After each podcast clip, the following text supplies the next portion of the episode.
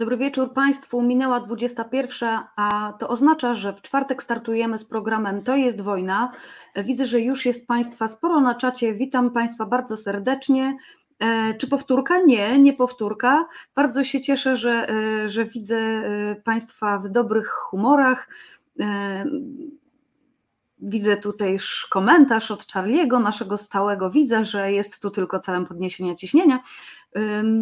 Będzie dobrze, jak zwykle, e, zawsze jesteśmy do, do, do końca e, na wysokim ciśnieniu, bo też i zawsze mówimy o naprawdę ważnych rzeczach, ważnych tematach i dzisiaj nie będzie inaczej. I żeby już jakby nie, nie zabierać Państwu czatu, ba, czasu antenowego i zwłaszcza gościniom, które czekają już w naszej wirtualnej e, poczekalni, e, no nie, nie powtórka, przecież mówię, jest na żywca. E, ja jestem tu w tej chwili dla Państwa w Iławie. Absolutnie nadajemy na żywo i gościnie są na żywo, żadna powtórka i żaden, żadne na, nagranie dzisiaj. Tak jak powiedziałam, gościnie czekają już w wirtualnej poczekalni.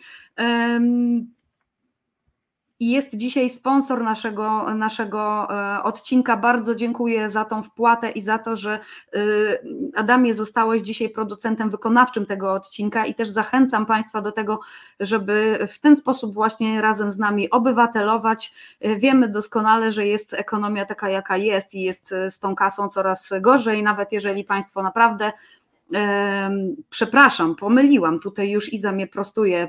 Panie Robercie, najmocniej prze, przepraszam. To tak jest właśnie, jak się jednocześnie tutaj próbuje czytać czat, y, gdzie Państwo też się witają. E, najmocniej przepraszam, e, Panie Robercie, Adamku, dziękujemy bardzo za hojność i jeżeli ktoś z Państwa jeszcze chciałby właśnie tak zostać z imienia i nazwiska wymienionym, e, wymienioną na naszej antenie, no to e, sypnijcie groszem. I tak jak powiedziałam, no jakby wiemy, że trzeba już teraz priorytetyzować te wpłaty. E, państwo się hojnie dzielą. Ja to wiem doskonale, bo jeżeli wrzucamy tutaj w czasie programu linki do zrzutek, to jest szybka reakcja i naprawdę szybko dostajemy informację zwrotną, że Państwo naprawdę już w czasie e, programu otworzyli portfele i szybciutko, e, i szybciutko jakby tutaj wpłacali, e, to zawsze jakoś motywuje, powiem Państwu, i jakoś takiego dodaje optymizmu na przyszłość i o królowej chyba dzisiaj nie będziemy rozmawiać. Wiem, że świeża taka informacja o śmierci Elżbiety II, monarchini brytyjskiej, no, dla mnie, jako dla anglofilki i anglistki, zresztą też z wykształcenia, to jest e, duży news i smutny news. Niemniej jednak e, myślę, że tutaj e, dzisiaj o czymś innym będziemy rozmawiać, być może o tym symbolu końca konserwatyzmu gdzieś będzie tutaj okazja na antenie. Bardzo, bardzo dziękuję Państwu za wszystkie komentarze, które już tutaj są na czacie. A o czym dzisiaj będziemy rozmawiać, jeżeli ktoś z Państwa przegapił zajawkę programu? Dzisiaj będzie o takiej sprawie, o której chyba tutaj jeszcze w resecie na antenie nie mówiliśmy.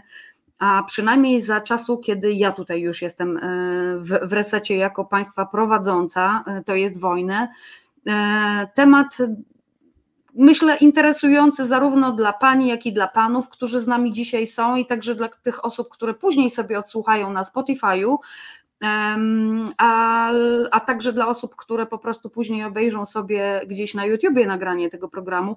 Jeśli Państwa interesuje ten temat lub uznacie, że ktoś z rodziny skorzystałby na tym, e, gdyby odsłuchał lub obejrzał, naprawdę szerujcie. Bardzo polecam. E, jak niesie się link w Ether, to naprawdę zawsze z tego jakiś efekt edukacyjny jest, chociażby taki, że Państwo do nas wracają po więcej informacji. Wiem, część z Państwa jakby nie, nie, nie preferuje tego kontaktu na privie, natomiast część z Państwa tak, jak najbardziej i to mnie też bardzo cieszy, jak zawsze po programie się odzywacie e, i prosić o więcej informacji, o to, żeby jeszcze raz gdzieś tam wrzucić linki, to jest naprawdę super i mam nadzieję, że ten temat też gdzieś tam Państwo upłynnią dalej.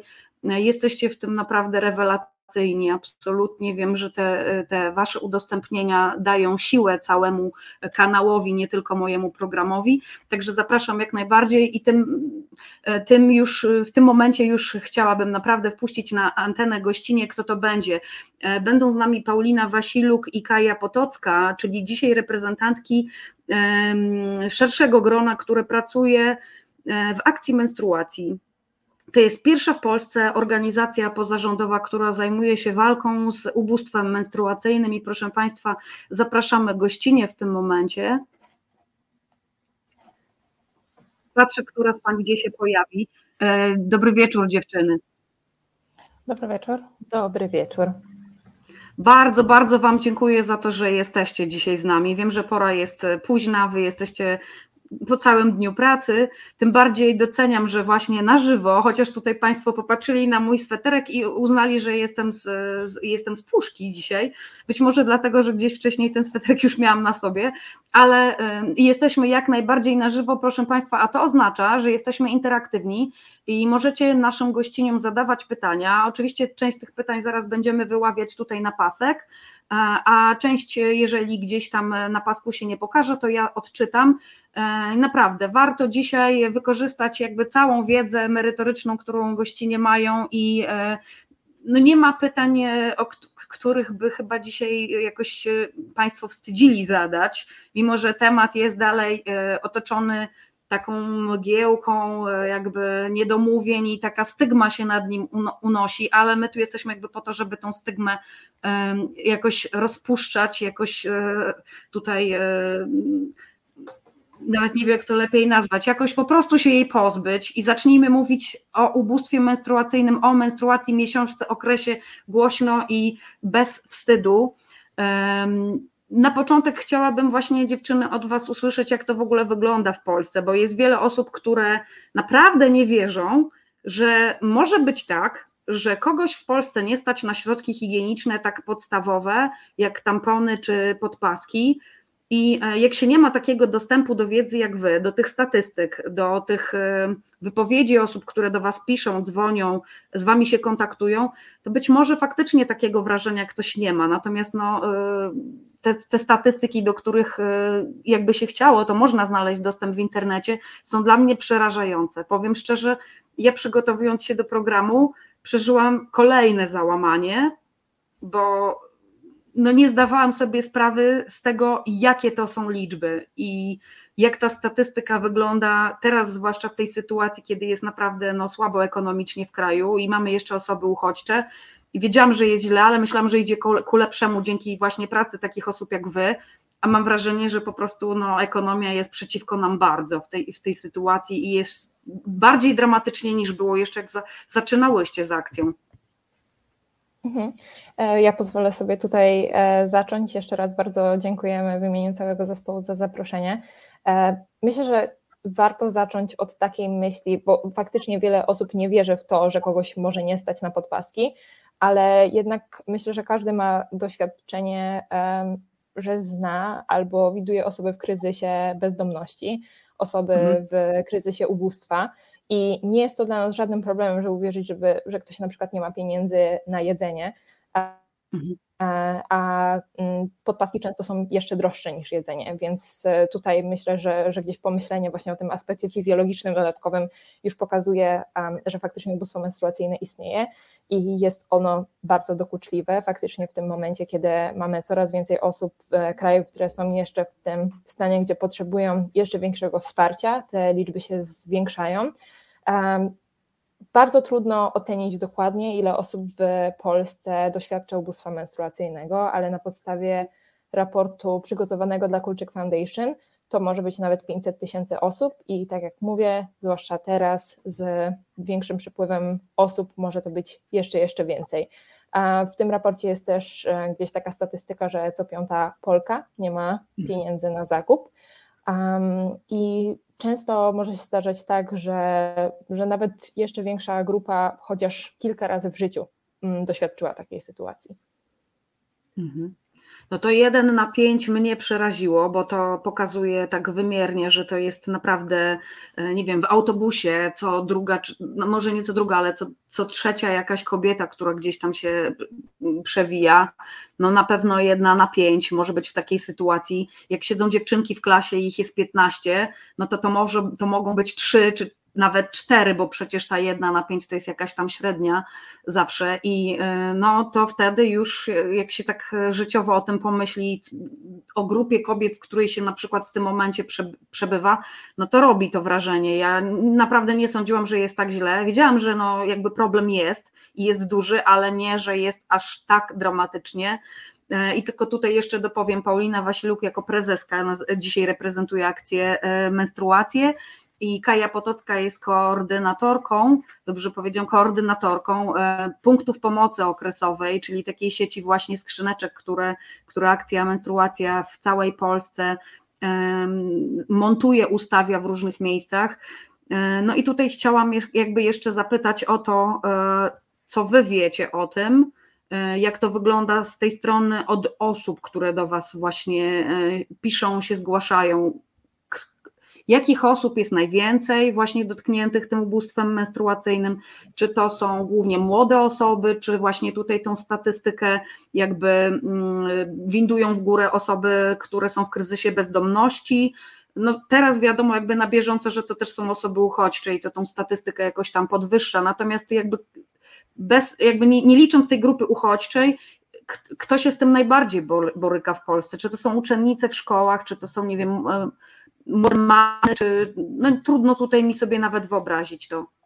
Mhm, jasne. To ja zacznę i za chwilę chciałabym e, przekazać gdzieś też głos e, Kai, która ma bardzo wartościową perspektywę właśnie koordynowania punktów pomocy okresowej i takiej naziemnej e, pracy. Ja od prawie samego początku pracy w akcji obsługuję nasze social media, przez co mam w większości kontakt jednak z młodszymi osobami, które korzystają z mediów społecznościowych i na mediach społecznościowych najczęściej zgłaszają się do nas osoby, które są dalej w szkole. Często jest to związane z tym, że nie mają e, pieniędzy albo dostępu do produktów menstruacyjnych, ale równie często zdarza się, że nie mają odpowiedniej wiedzy na temat menstruacji i to jest dla nich tak samo problematyczne jak brak tych fizycznych środków, żeby poradzić sobie z menstruacją. Gdzieś z naszych doświadczeń często wynika, że właśnie osoby w kryzysie bezdomności mają równie duży problem z zapewnieniem sobie środków menstruacyjnych, mm, często osoby pracujące seksualnie i tutaj te grupy bardzo się mieszają i z perspektywy organizacji pozarządowej, wiadomo, nie jesteśmy w stanie dotrzeć samemu do wszystkich i często to zależy od tego, kto się do nas zgłasza. A więc mhm. dlatego również dziękujemy za takie zaproszenie, bo to, że jesteśmy w takich programach pozwala, że jeszcze więcej osób o nas słyszy i kiedy potrzebuje wsparcia, może do nas wyciągnąć rękę. A teraz właśnie, gdyby Kaja chciała się jeszcze podzielić swoim doświadczeniem.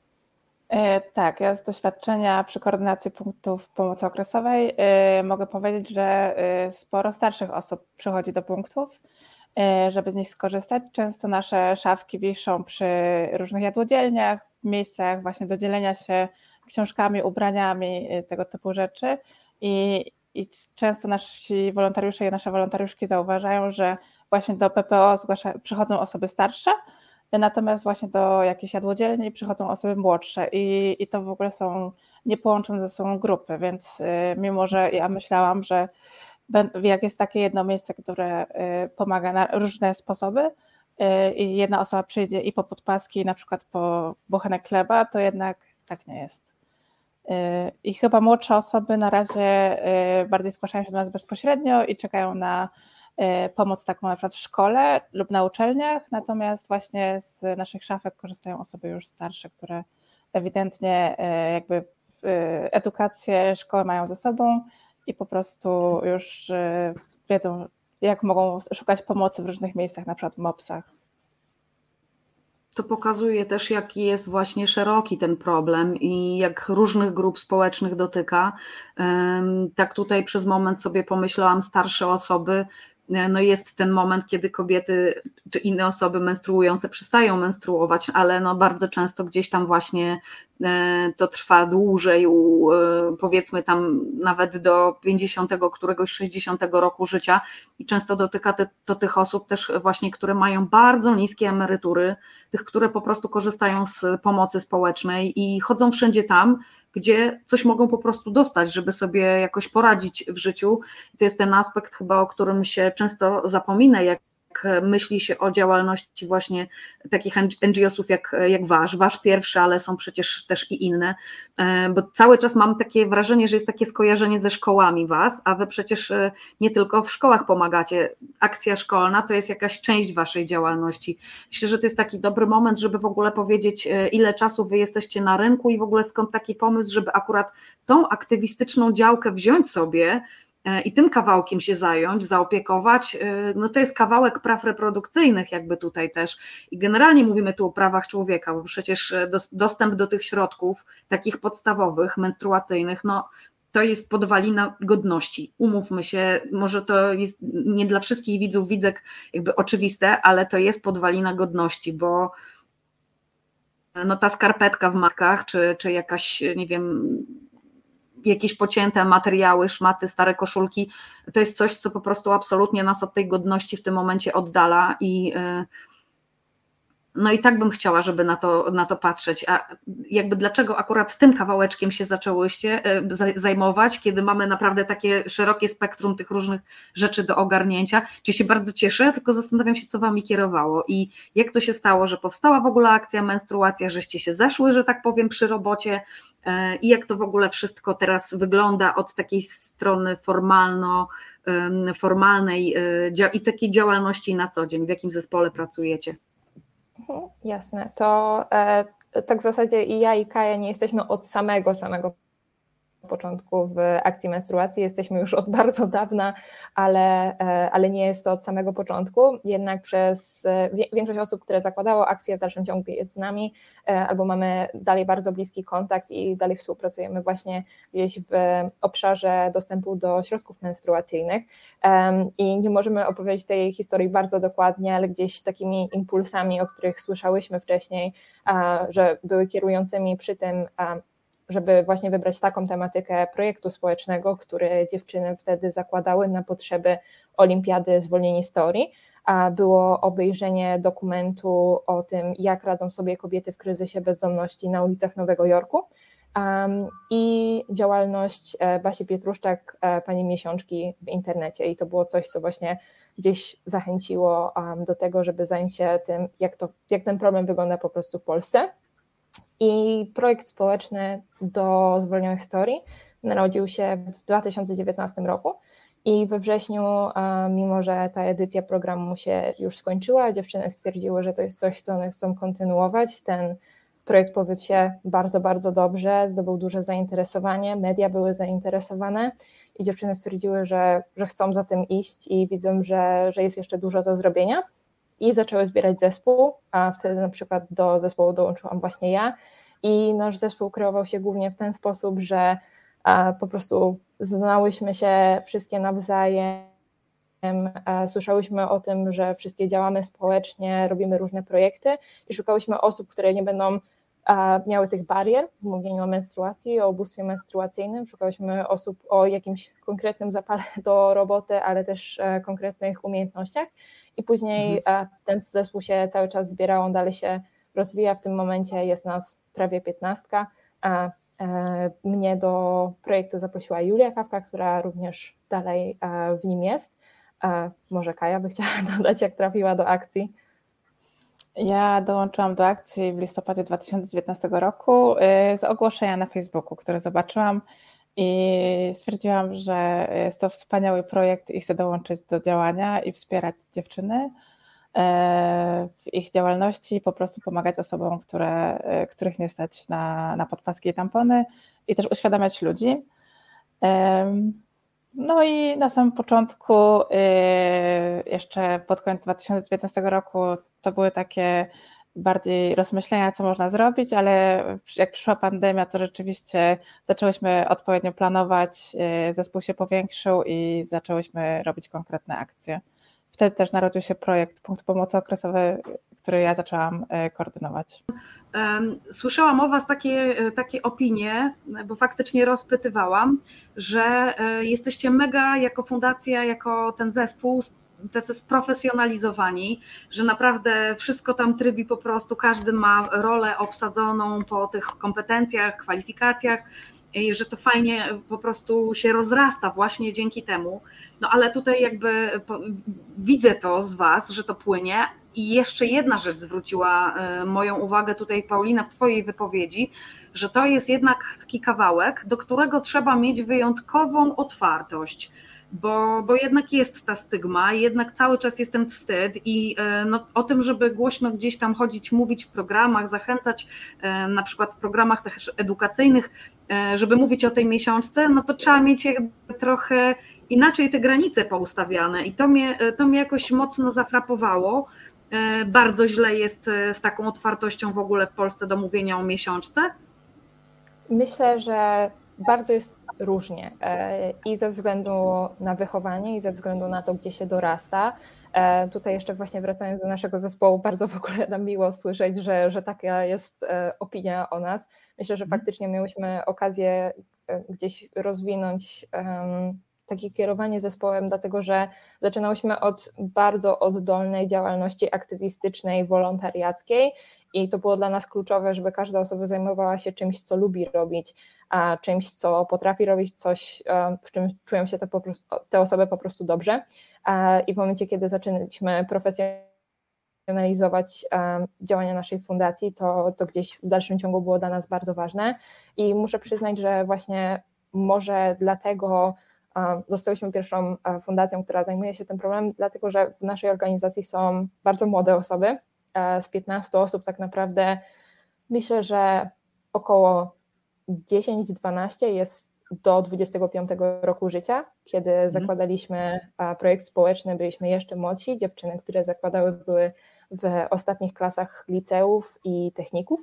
Um, więc wydaje mi się, że, że ta otwartość na pewno przyszła też trochę z naszego wieku ze zmiany pokoleniowej.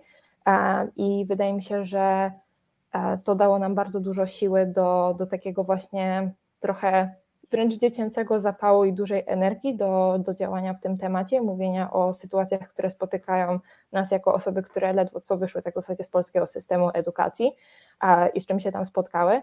Mm, ale muszę też przyznać, że to nie było czasami zbyt proste, bo jednak jest też problem z tym, żeby na przykład partnerzy czy osoby, które mają przekazywać pieniądze na naszą działalność, e, traktowały młode osoby na poważnie, więc wydaje mi się, że ta profesjonalizacja wszystkich naszych działań była takim dla nas koniecznym krokiem, żeby po prostu móc dalej funkcjonować, e, ale wydaje mi się, że wszystkie dalej mamy w sercu taki właśnie oddolny aktywizm i po prostu jesteśmy fundacją prawnie.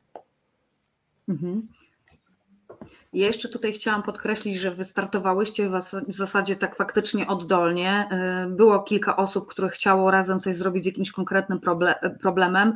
Pojawił się program, w którym można było wziąć udział, czyli tutaj zwolnieni z teorii, i w zasadzie potem od razu y, pomysł taki, żeby y, zrobić z tego fundację, fundację, która będzie już potem działała ogólnopolsko. E, dla mnie petarda i rakieta. E, ja też widziałam, w jaki sposób funkcjonujecie. Miałam tą przyjemność, proszę Państwa, tutaj e, trochę prywaty, poobserwować różne osoby. Na pewno wiem, że Kaję widziałam w akcji. Paulina, Ciebie akurat może chyba nie, ale no, kilka osób w różnych sytuacjach takich, gdzie pojawiacie się na jakichś na jakichś takich wydarzeniach, eventach społecznych i jest właśnie Wasze stoisko i tam rozmawiacie z ludźmi, rozdajecie różne rzeczy, uświadamiacie. Widziałam po prostu, jak pracujecie, gdzieś tam z boku sobie, będąc też na przykład na innym stoisku. E, I to ogromne wrażenie na mnie zrobiło, i sobie pomyślałam, że e, trafiłyście w taką niszę, która po prostu jest kompletnie jakby była niezaopiekowana przed wami i e, teraz już jest troszeczkę więcej osób, które dzięki temu, że właśnie ta, ta petarda i ta rakieta tak szybko wystartowała i tak szybko znalazły, znalazła odbiorców właśnie wśród tych młodych ludzi też głównie w internecie, e, dzięki temu po prostu pokazały się następne organizacje, następne grupy osób, które chciały gdzieś tam lokalnie też właśnie z tym ubóstwem menstruacyjnym walczyć i, i wspierać osoby, które, które po prostu potrzebują tych środków higienicznych. Dla mnie to jest taki dowód na to, że wystarczy naprawdę czasami malutka grupa ludzi, która dobrze nagłośni, fajnie, profesjonalnie nagłośni jakiś problem, wykorzysta 5 minut jakby w różnych, korzystając z jakichś różnych funduszy, z programów, żeby wystartować i potem to w zasadzie już jest, no nie powiem, że samograj, bo wiem ile trzeba włożyć pracy i wysiłku w to, żeby taka machina dalej funkcjonowała, no ale naprawdę widać, że po prostu efekt domina trochę jest. Puściłyście to w ruch i teraz to już troszeczkę samo toczy, ludzie coraz więcej łapią tej świadomości, właśnie dzięki temu, że wy też no, robicie w polu, jak to się czasami mówi, czyli faktycznie wychodzicie do ludzi, jeździcie w różne miejsca, pokazujecie się, promujecie w ogóle e, wasze działania. E, to jest fantastyczne. E, tutaj takie pytanie, które ja z lekkim przestrachem zadaję, czy, czy w tej grupie osób w Polsce, które zajmują się problemem, raczej jest kooperacja, współpraca, tworzycie jakieś koalicje, jakiś taki szerszy front, czy, czy bywa różnie i raczej Myślę, że z drżeniem serca, bo, e, bo do końca nie wiem, jaka będzie odpowiedź, a chciałoby się usłyszeć, że jest wiadomo, że jest wszystko super, prawda? Mhm, jasne. E, przede wszystkim istnieje okresowa koalicja, e, która już jakiś czas temu została zainicjowana przez Kulczyk Foundation i ona zrzesza tak w zasadzie wszystkie fundacje, inicjatywy, e, pojedyncze osoby aktywistyczne, które zajmują się tematem i miesiączki i wszystkim związanym z miesiączką i ubóstwem menstruacyjnym, ale też um, na przykład endometriozą. I wydaje mi się, że, że zaczynamy faktycznie gdzieś korzystać z tych wspólnych zasobów. Zaczynamy trochę poważniej pracować niż, e, niż na początku. Na początku to zdecydowanie bardziej przynajmniej dla mnie było takim, e, takim tworem bardziej reprezentacyjnym, a teraz czuję, że coś faktycznie zaczyna się dziać. A dzisiaj nawet e, byłam na spotkaniu z okresową koalicją i bardzo mnie cieszy, że jest taka grupa, gdzie możemy się wymieniać różnymi spostrzeżeniami i na pewno w najbliższych miesiącach będziemy intensywnie działać i mam nadzieję, że nawet bez większej reklamy wszyscy tutaj zgromadzeni usłyszą o naszych działaniach, mm, bo mamy dość duże ambicje, jeśli chodzi o kolejne działania. Mhm.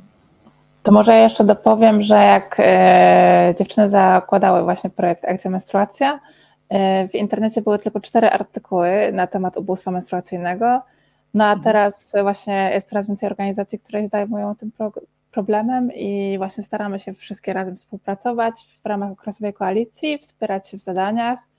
E, I jest też bardzo dużo organizacji, które działają poza Polską. Mhm. My się też bardzo bardzo. No, trochę nimi inspirowałyśmy przy naszych działaniach. E, staramy się też kłaść nacisk na to, żeby mówić właśnie w pozytywny sposób o okresie, przełamywać tabu, e, szczególnie, że to jest podwójne tabu, bo to jest tabu związane z ubóstwem i tabu związane z menstruacją. Mhm. E, I bierzemy przykład właśnie z takich różnych organizacji jak e, Bloody Good Period z Wielkiej Brytanii, It's August, to jest super pozytywna marka, e, którą założyła Nadia Okamoto, która wcześniej założyła właśnie organizację charytatywną Period w Stanach i bardzo otwarcie mówi o okresie. I był projekt The Red Box Project też w Wielkiej Brytanii i właśnie jest bardzo dużo organizacji na całym świecie, Ostatnio też y, na przykład śledzę różne organizacje na Jamajce, które działają i robią świetne rzeczy, więc y, coraz więcej się o tym mówi, jest duża współpraca i to jest naprawdę mega pozytywne. Bardzo mnie to cieszy, co mówicie, że jest, że jest ta koalicja, jest ten wspólny front. Ja bym jeszcze y, chciała zadać to pytanie, bo Ty, Kaja, koordynujesz punkt pomocy okresowej i to są białe skrzyneczki a też pojawiają się te różowe skrzyneczki. I powiem szczerze, nawet wśród naszej takiej społeczności, jak to e, tutaj czasami Państwo piszą w komentarzach tej takiej, tej takiej lewackiej, e, aktywistycznej, e, no nawet w strajkowym łonie nie wszystkie nasze osoby rozróżniają te, te inicjatywy i potem nie wiedzą, czy różowa skrzyneczka, biała skrzyneczka to jest jakby to samo, czy to jest coś oddzielnego, czy jakby jak tu jest biała, to nie może być różowej. Jak to działa? Jak to w ogóle jest? No, działamy na bardzo podobnej zasadzie. Y, po prostu umieszczamy taką szafkę w miejscu publicznym i zaopatrujemy ją w środki menstruacyjne. E, z naszej strony e, staramy się, żeby każda szafka miała swojego opiekuna, opiekunkę. Są to przeważnie nasi wolontariusze lub osoby, które e, działają w konkretnym miejscu, gdzie ta szafka jest. Staramy się docierać do jak największego grona ludzi. I, a różowa skrzyneczka też na przykład działa w szkołach. My na przykład punktów pomocy okresowej nie umieszczamy w szkołach, bo mamy inną akcję skierowaną do szkół. Mhm. I już e, nie wiem, co chcę powiedzieć. Nawiązywałyśmy wiele współprac z dziewczynami i wspólnie działamy, e, ale są to tak, dwie organizacje osobne. E, wspieramy się i właśnie jeśli jest gdzieś różowa skrzyneczka, to nie umieszczamy tam punktu pomocy okresowej, bo to jest bez sensu, bo właściwie tam jest już zapewniona pomoc i staramy się znaleźć inne miejsce, które będzie odpowiednie dla takiej szafki. I tak, jeśli ktoś ma jakiś pomysł, gdzie umieścić kolejne PPO, to dajcie znać. Tak, to jest, to jest taki moment, kiedy też właśnie warto zaapelować do osób, które nas e, oglądają, które nas słuchają. Jeżeli chcielibyście pomóc albo chcielibyście, żeby gdzieś u Was pojawiły się właśnie te skrzyneczki, szafeczki z produktami, e, to dawajcie znać e, wszystkie dane, namiary na akcję menstruację już w czasie przerwy umieścimy na naszych czatach. No i jak już teraz mamy jakby jasną sytuację z tymi skrzyneczkami, E, to mnie też jakby tutaj bardzo ucieszyło to, że to tak wyklarowałyście, że macie ze sobą na tyle fajny kontakt, że możecie sobie ustalić, że jak tutaj jest na przykład różowa skrzyneczka gdzieś, to wy tam właśnie nie wstawiacie swojej, bo jest jeszcze przecież tyle miejsc w Polsce, gdzie nie ma ani jednej, ani drugiej i jakby fajne jest to, że się gdzieś tam nie, nie dublują te skrzyneczki, że jest taka, że jest to porozumienie po prostu. E, wiem, że wy też taką mapę swoją macie, E, macie te wszystkie punkty jakby skoordynowane, e, wiecie gdzie, w którym miejscu te skrzyneczki wszystkie się znajdują, jakie osoby je obsługują, wolontariusze, najczęściej wolontariuszki, tak jak tutaj powiedziałyście. Ile tych punktów pomocy okresowej macie w tej chwili pod swoją opieką w Polsce? W tym momencie jest to 226 punktów. E, I jeszcze parę jest w trakcie tworzenia się, więc pewnie w przyszłym tygodniu bym powiedziała, że to będzie 230 punktów. E, mhm. I tak, staramy się dotrzeć do każdego powiatu w Polsce. E, taki był nasz plan na rok 2021. Jeszcze nam się nie udało, e, ale idziemy coraz bardziej w tym kierunku, żeby mhm. do, iść w coraz mniejsze miasta, miasteczka, wsie i po prostu być w każdym powiecie, a niedługo może nawet w każdej gminie. Mhm to ja jeszcze bym tutaj zapytała, w jakich miejscach, bo już wiemy, że nie w szkołach. Dla szkół macie oddzielny program i o tym też za chwileczkę będziemy mówić, e, że e, szko do szkół nie wchodzicie jakby z tymi, z tymi szafeczkami, z tymi skrzyneczkami, szafeczkami, jakby to e, zwał, obojętnie gdzie w takim razie, jak nie w szkołach? Gdzie to w tym powiecie po prostu można e, zobaczyć, znaleźć i, i też e, czy macie to gdzieś na stronie internetowej, żeby każda osoba, która w tej chwili nas ogląda, słucha, mogła po programie, a nawet być może w trakcie programu sobie zajrzeć po prostu i, i sprawdzić, gdzie w, w jego okolicy taka, taka skrzyneczka jest? E, tak, mamy informacje na stronie, jest e, pełna lista wszystkich punktów, jest mhm. mapa, e, więc zależy jak komu łatwiej sprawdzać, czy po lokalizacji, czy według listy. Mhm. I staramy się umieszczać punkty w miejscach, które są znane lokalnej społeczności, więc bardzo często pytamy się po prostu kogoś z tego konkretnego miasta, gdzie najlepiej takie, taką szafkę umieścić. Bardzo często są to właśnie mhm. ośrodki pomocy społecznej, są to biblioteki, miejsca, gdzie właśnie są jakieś punkty dzielenia się, jadłodzielnia, książkodzielnia, szafodzielnia, szafa mhm. dobra, e, różne są nazwy takich miejsc i rozmawiamy z lokalnymi urzędnikami, urzędniczkami, e, aktywistkami, działaczkami i po prostu szukamy takich odpowiednich miejsc bardzo budujący komentarz się tutaj pani Kasi pokazał. Nie wiem, czy wy go dziewczyny w tym momencie widzicie też, e, że pewnie robicie to taniej i skuteczniej niż jakiekolwiek instytucjonalne rozwiązania. Pewnie tak. no bo skoro państwo do tej pory nie ogarnęło tego tematu w żaden sposób, jak na przykład rząd w Szkocji, który e, no, już w tej chwili zapewnił osobom menstru, menstruującym bezpłatny dostęp do środków, ba, nawet jest apka specjalnie zrobiona, która pokazuje, po zainstalowaniu, gdzie właśnie takie punkty e, są, e, gdzie można bezpłatnie się zaopatrzyć w podpaski, w tampony, wszystko, co jest po prostu do tej higieny menstruacyjnej potrzebne. No, w Polsce myślę, że jeszcze trochę wody upłynie, zanim będzie jak w Szkocji. Szkocja, jakby nie było, jest, jest pierwszym krajem, który faktycznie zadbał o to, żeby osoby menstruujące miały po prostu bezpłatny dostęp do środków higienicznych. E, podobno są kraje, które się przymierzają do tego, żeby, e, żeby ten, ten program po prostu dla siebie już zaadoptować. Mam nadzieję, że Polska kiedyś, e, kiedyś do, do takiego poziomu świadomości dojdzie, no ale póki, póki tak nie jest, no to jak zwykle możemy tylko podziękować takim osobom jak wy i temu, że w Polsce jest jednak ten odruch taki społeczeństwa obywatelskiego, żeby się oddolnie jakoś tam po prostu zgrać i jakiś kawałek wziąć i zaopiekować. Szkocja to jakaś cywilizacja, a my ciemnogród czytam na czacie. No ja nie wiem, czy to do końca tak jest, bo bo u nas przecież są takie osoby, jak tutaj chociażby nasze gościnie, proszę Państwa, i jak Państwo tutaj na czacie, którzy robicie wszystko, żeby w tym kraju było lepiej. Także no, być może, być może y, jeszcze trochę wody upłynie, trochę piasku też w klepsyd, że musi się przemieścić, żeby naprawdę no, decydenci nasi dojrzeli do tego, żeby pewne rzeczy nam zapewnić. Kobiet jest przecież w tym kraju więcej, generalnie grupa osób menstruujących to jest bardzo liczna grupa. E, ja tutaj się jeszcze tylko odniosę, zanim dziewczyny do Was kolejne pytanie do tego, co na czacie się znalazło. Charlie pyta e, po raz kolejny, w ilu punktach te szafki się znalazły? 226. Tak. 226 punktów tej konkretnej organizacji. To jest, ta, to jest ta dana, która już tutaj padła przed chwileczką. No i jeszcze wrócę do tej statystyki, bo naprawdę tutaj się przewijają pytania, widzę cały czas o tą statystykę, jak, jak bardzo jest źle. To też było gdzieś tam na samym początku powiedziane dla tych osób, które dołączyły.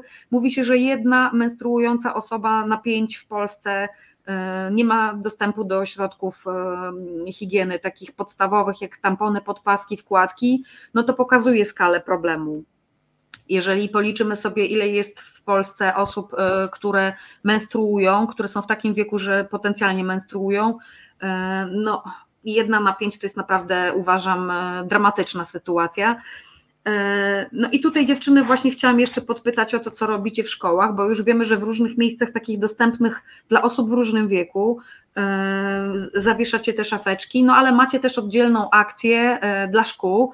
I ja tutaj Państwu zdradzę tylko jedną rzecz, że dziewczyny w tym roku trzecią edycję programu robiły, w zasadzie rekrutacja się nie zdążyła dobrze otworzyć i już się zamknęła i chyba łącza się paliły strasznie, bo ja e, śledząc social media tutaj właśnie akcji menstruacji zdążyłam zauważyć jednego posta, że otwierają dziewczyny rekrutację e, i za chwilę już było, że już jest po prostu limit osiągnięty, rekrutacja została po kilku niecałych godzinach zamknięta, to pokazuje po prostu skalę zainteresowania też. Musiałyście mieć świetne dotarcie wcześniej właśnie przed, przed tą rekrutacją, albo po prostu szkoły już czekały rok na to, żeby dołączyć, bo te miejsca się po prostu rozeszły, no jak świeże bułeczki. Tak, nasza akcja w szkołach jest naszą zdecydowanie najbardziej, e, naszym najbardziej znanym programem, to już e, gdzieś wcześniej padło, robimy dużo innych rzeczy, ale te szkoły faktycznie myślę, że są też po prostu bardzo blisko serc naszych obserwujących i osób, które nas wspierają, e, bo zawsze chcemy jak najlepiej dla dzieci. I, I, gdzieś właśnie ta akcja bardzo trafia do wielu osób. W tym roku realizujemy trzecią edycję tego programu to w ogóle jest taki program, który cały czas nas zadziwia, zawsze są z nim niespodzianki, najczęściej dobre niespodzianki. Um, w pierwszej edycji początkowy plan był, żeby zapewnić środki w 25 szkołach, później stwierdziłyśmy, że może uda się nam i stać nas na 50 i um, otworzyłyśmy zbiórkę na akcję i um, Wydaje mi się, że celem było 20 tysięcy złotych. E, możliwe, że, że nawet 10 tysięcy. Szczerze mówiąc, już nie pamiętam, dlatego że dzięki temu, jak osoby, które nas obserwowały, zaczęły udostępniać tą zbiórkę i dzięki takim osobom jak Janina Pong albo Kasia Co z tym seksem. Zabrałyśmy w ciągu 24 godzin ponad 120 tysięcy na tej zbiórce. To było absolutnie niesamowite i tak w zasadzie te pieniądze pozwoliły nam na to, żeby dotrzeć w pierwszej edycji do ponad 100 szkół, ale też na to, żeby gdzieś zabezpieczyć trochę swoją przyszłość i stałość innych działań. I właśnie w pierwszej edycji to było trochę ponad 100 szkół, a w zeszłym roku dzięki wsparciu partnerów takich jak Biedronka mieliśmy okazję otworzyć rekrutację dla ponad 350 nowych szkół. Tym sposobem na koniec tej edycji mieliśmy razem 563 szkoły, mhm. z czego około 60 to są szkoły, które e, znalazły się w naszym programie ze względu na to, że realizujemy zamówienia publiczne dla miasta Poznań, które są pierwszą taką dużą inicjatywą ogólnosamorządową, która sprawia, że właśnie w szkołach znajdują się podpaski, tampony, wkładki. Mm, I w tym roku niestety nasze zasoby pozwoliły nam na przyjęcie tylko 50 dodatkowych szkół, ale dalej współpracujemy z tymi wszystkimi, z którymi współpracujemy od pierwszej edycji, czyli razem w tym momencie to jest około 610 szkół, a bardzo trzymamy kciuki za to, że uda się nam realizować kolejne zamówienie publiczne i jeśli tylko faktycznie e, uda się, e, to na pewno będziemy o tym informować na naszych social mediach. Mhm. Fantastyczne jest to, że znalazło się w ogóle takie pierwsze miasto w e, Polsce, które już chce refundować, refundować no jakby zapewniać bezpłatny dostęp e, do tych środków.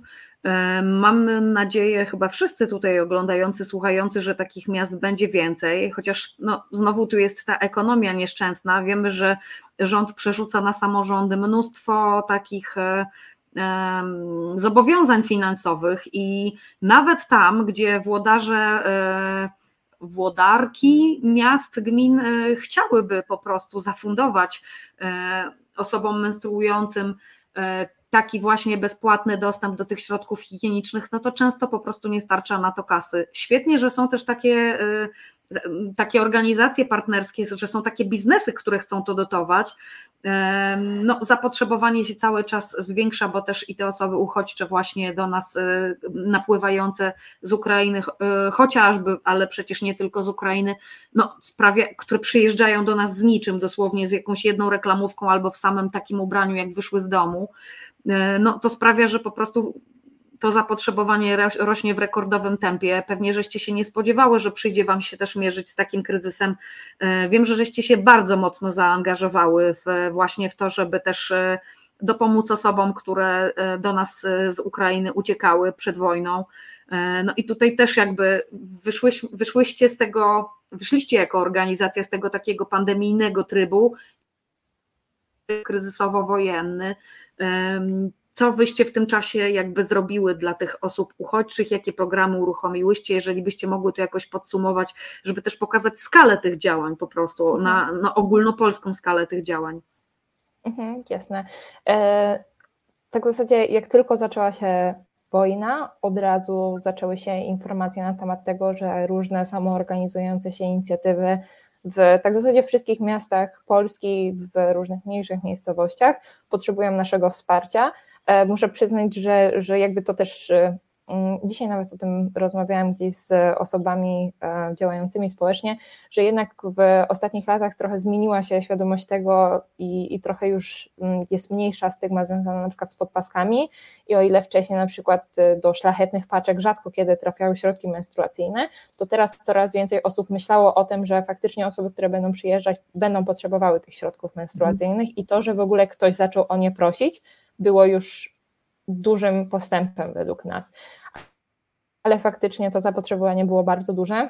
My tak w zasadzie regularnie wysyłaliśmy całe palety podpasek do różnych punktów pomocowych um, i nasze zasoby się kurczyły w, maksymalnie szybkim tempie. Trochę, trochę byliśmy wystraszeni, że właśnie um, przez to nie starczy nam na chociażby kolejną edycję naszego programu szkolnego, ale w tamtym momencie to był najwyższy priorytet i w dalszym ciągu traktujemy sprawę bardzo poważnie.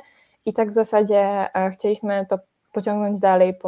Zaczęliśmy myśleć o tym, co moglibyśmy zrobić więcej i jak zbudować projekt, który lepiej by działał dla osób, które potrzebują naszego wsparcia, bo lubimy właśnie działać projektowo i wydaje mi się, że wszystkie trzy stałe projekty, które kontynuujemy, gdzieś potwierdziły, że ta logistyka, która za nimi stoi, po prostu ma sens.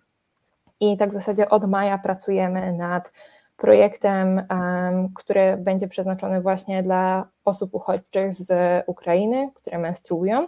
I mamy wielką przyjemność współpracować przy tym projekcie z Oxfamem, pochodzącą z Wielkiej Brytanii organizacją humanitarną.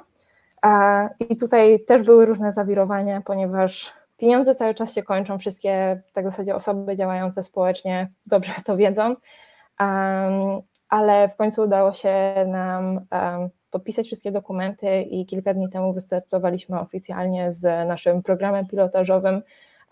Właśnie go organizujemy i kiedy tylko będziemy mieli pierwsze szczegóły do przekazania, to, to również e, będziemy o tym wszystkim informować, e, ale to będzie już taki bardziej skomplikowany, ale też bardziej kompleksowy sposób pomagania przez kupony na tradycyjne środki menstruacyjne i także na wielorazowe środki menstruacyjne. Mhm.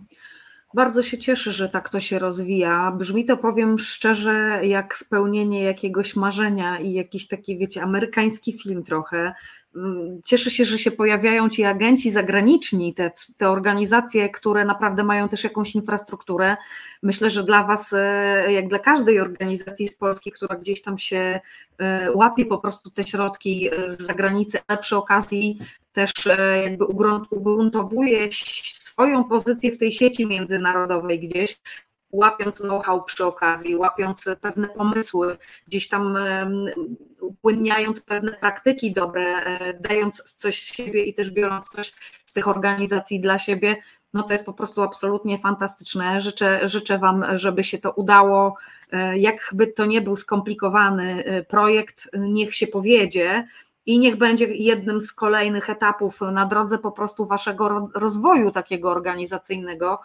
E, kibicujemy, myślę, wszyscy, bo e, no, zaczęłyście jako pionierki i cały czas przeprowadzacie, mam wrażenie, tą całą taką niszę NGO-sową e, na wyższy poziom.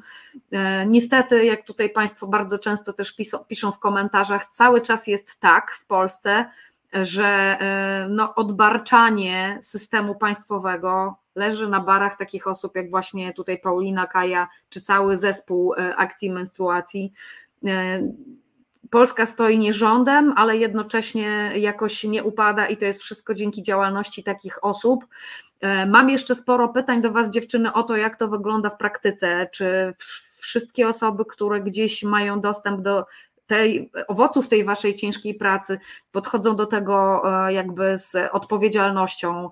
E, zawsze jak, jak jest temat takich rzeczy, które gdzieś ktoś zapewnia za darmo, no to wiadomo, pojawiają się pytania o to, czy jest wdzięczność, czy jest niewdzięczność, czy gdzieś tam są jakieś zniszczenia, ale myślę, że to wszystko po przerwie sobie tu, e, taką jedną pięciominutową przerwę na piosenkę. Państwo odpoczną i gościnie też będą miały chwilę na złapanie oddechu. E, zobaczmy się e, za pięć minutek. Dziękuję bardzo za tą pierwszą część. Sexpress z pontonem. Następna stacja seks, antykoncepcja, zdrowie, ciało, edukacja, seksualność, prawa, tożsamość trakcie jazdy zapraszamy do rozmów bez tabu. W bezpiecznej atmosferze dyskutujemy na temat spraw związanych z seksem i seksualnością. Załogę z ekspresu stanowią doświadczone edukatorki seksualne z grupy Ponton. Niedziela, godzina 17. Reset Obywatelski. Witamy po przerwie w drugiej części programu To jest wojna, a dzisiaj ze mną gościnie z akcji menstruacji. E, Paulina Wasiluk już do nas dołącza, ale mamy już też Kaję Potocką na wizji, czyli mamy Paulinę, prezeskę e, Fundacji Akcja Menstruacja i e, Kaję, koordynatorkę punktów pomocy okresowej, czyli tych skrzyneczek z e, dotami, tych skrzyneczek z produktami, sieci w zasadzie takich punktów w całej Polsce. No i chciałam Was zupełnie o co innego pytać, ale już tutaj, już tutaj widzę pytania, do, od których chyba jednak na czacie chciałabym zacząć. E, czy to nie jest tworzenie fikcyjnego pro, problemu, e, by powstał kolejny NGOs? Dziewczyny, co wy czujecie, jak czytacie takie pytania? Ja myślę, że to pytanie jest tutaj trochę, żeby wprowadzić może większą dynamikę, w, dramatyzm w programie, bo tu Charlie jakby z góry zapowiadał, że będzie jakby wkładał kij w mrowisko, E, dla podwyższenia ciśnienia, no ale takie pytania faktycznie e, gdzieś tam też e, u osób no, niemenstruujących się często pojawiają, tak, że o, tworzymy jakiś tam sztuczny problem. Gdzie ja sama słyszę czasami o rzeczach, którymi się zajmujemy i ja i wy, jako osoby aktywistyczne, że to jest gdzieś jakiś problem pierwszego świata, albo że to jest jakiś w ogóle wymysł lewackiej, lewackiej bańki, osób aktywistycznych, problem, który jest jakby wykreowany po to, żeby jakieś fundacje powstawały. Jak wy się czujecie i co wam przychodzi do głowy, jak słyszycie albo czytacie takie komentarze? Ja muszę przyznać, że po trzech latach e, działania takie komentarze średnio już tam nie robią wrażenia i myślę, że, że to jest bardzo mm, przyjazny dla mnie mechanizm, który wykształciłam, e, bo faktycznie na początku w ogóle nasze działania spotykały się z bardzo kontrowersyjnym przyjęciem. W jakimś stopniu rozumiem takie podejście, że na przykład niektóre osoby uważają, że ubóstwem trzeba się zajmować jako jednym problemem um, i, i, jestem w stanie mhm. uszanować takie podejście, ale wydaje mi się, że gdzieś tutaj um, właśnie problem ubóstwa menstruacyjnego jest o tyle ciekawy, ale też o tyle trudny, że łączą się tutaj te różne tabu i różne stygmy i wokół ubóstwa, i wokół menstruacji, i często dla wielu osób menstruujących jest to w jakiś sposób bardzo wstydliwy temat. Dlatego wydaje mi się, że właśnie takie wyspecjalizowane organizacje pozarządowe, które zajmują się tym tematem, są bardzo potrzebne. I to są organizacje, które są w stanie zapewniać zindywidualizowaną pomoc, ale oprócz tego mieć też kontakt z z różnymi ekspertami, na przykład seksuologami, e, ginekologami e, i ginekolożkami, którzy są w stanie pomóc w tych określonych problemach. Więc muszę przyznać, że mimo, że ja bardzo lubię swoją pracę, to znacznie bardziej chciałabym, żeby tego problemu nie było na świecie i żeby naszej organizacji nie musiało być, ale czujemy, że ten problem jest, dane to potwierdzają, ale też nasze po prostu codzienne przeżycia i to, ile informacji i wiadomości dostajemy, pokazują, że w dalszym ciągu są osoby, które potrzebują tej pomocy i dopóki są nawet pojedyncze osoby, które potrzebują tej pomocy, no to uważamy, że nasze działania mają sens. Mhm. Tak, to... tak. E, Kaja, proszę. Chciałam tylko dodać, że e, często problem ubóstwa menstruacyjnego wiąże się nie tylko z brakiem środków finansowych na zakup takich podpasek czy tamponów, ale też e, często po prostu jest, nie ma dostępności takich produktów w sklepach na wsiach, albo y, trzeba, nie wiem, prosić, żeby z podlady ktoś wyciągnął paczkę podpasek i wiąże się to z takim właśnie ogromnym jakimś wstydem, że trzeba pójść do sprzedawcy. Nie można sobie po prostu sięgnąć i wziąć spółki, tylko poprosić o konkretny, y, konkretną paczkę konkretnych podpasek. Y, I dla często na przykład młodych dziewczyn też proszenie rodziców o pieniądze na podpaski jest wielkim Y, problemem, więc często one w ogóle się nie przyznają rodzicom, że mają okres i korzystają z papieru toaletowego, tych pociętych koszulek, y, skarpetek. Y, często też dochodzi do jakichś na przykład kradzieży właśnie mm, i podpasek i tamponów, bo po prostu jest ogromna stygma. Teraz tak mi się nasunęło, jak powiedziałaś o tych kradzieżach. E, wielokrotnie zwracałam na to uwagę z dzieciakami swoimi osobistymi. Na takim etapie, kiedy jakby uczyliśmy się e, tego, że w sklepie po prostu nie można sobie wszystkiego z półki tak po prostu wziąć i na przykład otworzyć natychmiast jakiegoś jedzenia czy, czy jakiegoś picia. I moje dzieci potem już jako takie naprawdę no niewielkie szkraby zwracały uwagę na to, że mamo, ale zobacz, tu jest otwarte opakowanie, tu też jest otwarte, jakieś rzeczy są właśnie gdzieś tam wyciągnięte z opakowania, widać, że jest już po prostu e, rozkompletowane coś. Bardzo często były to środki higieniczne i to też był taki moment, kiedy się pojawiały pierwsze pytania właśnie od moich dzieci, co to jest.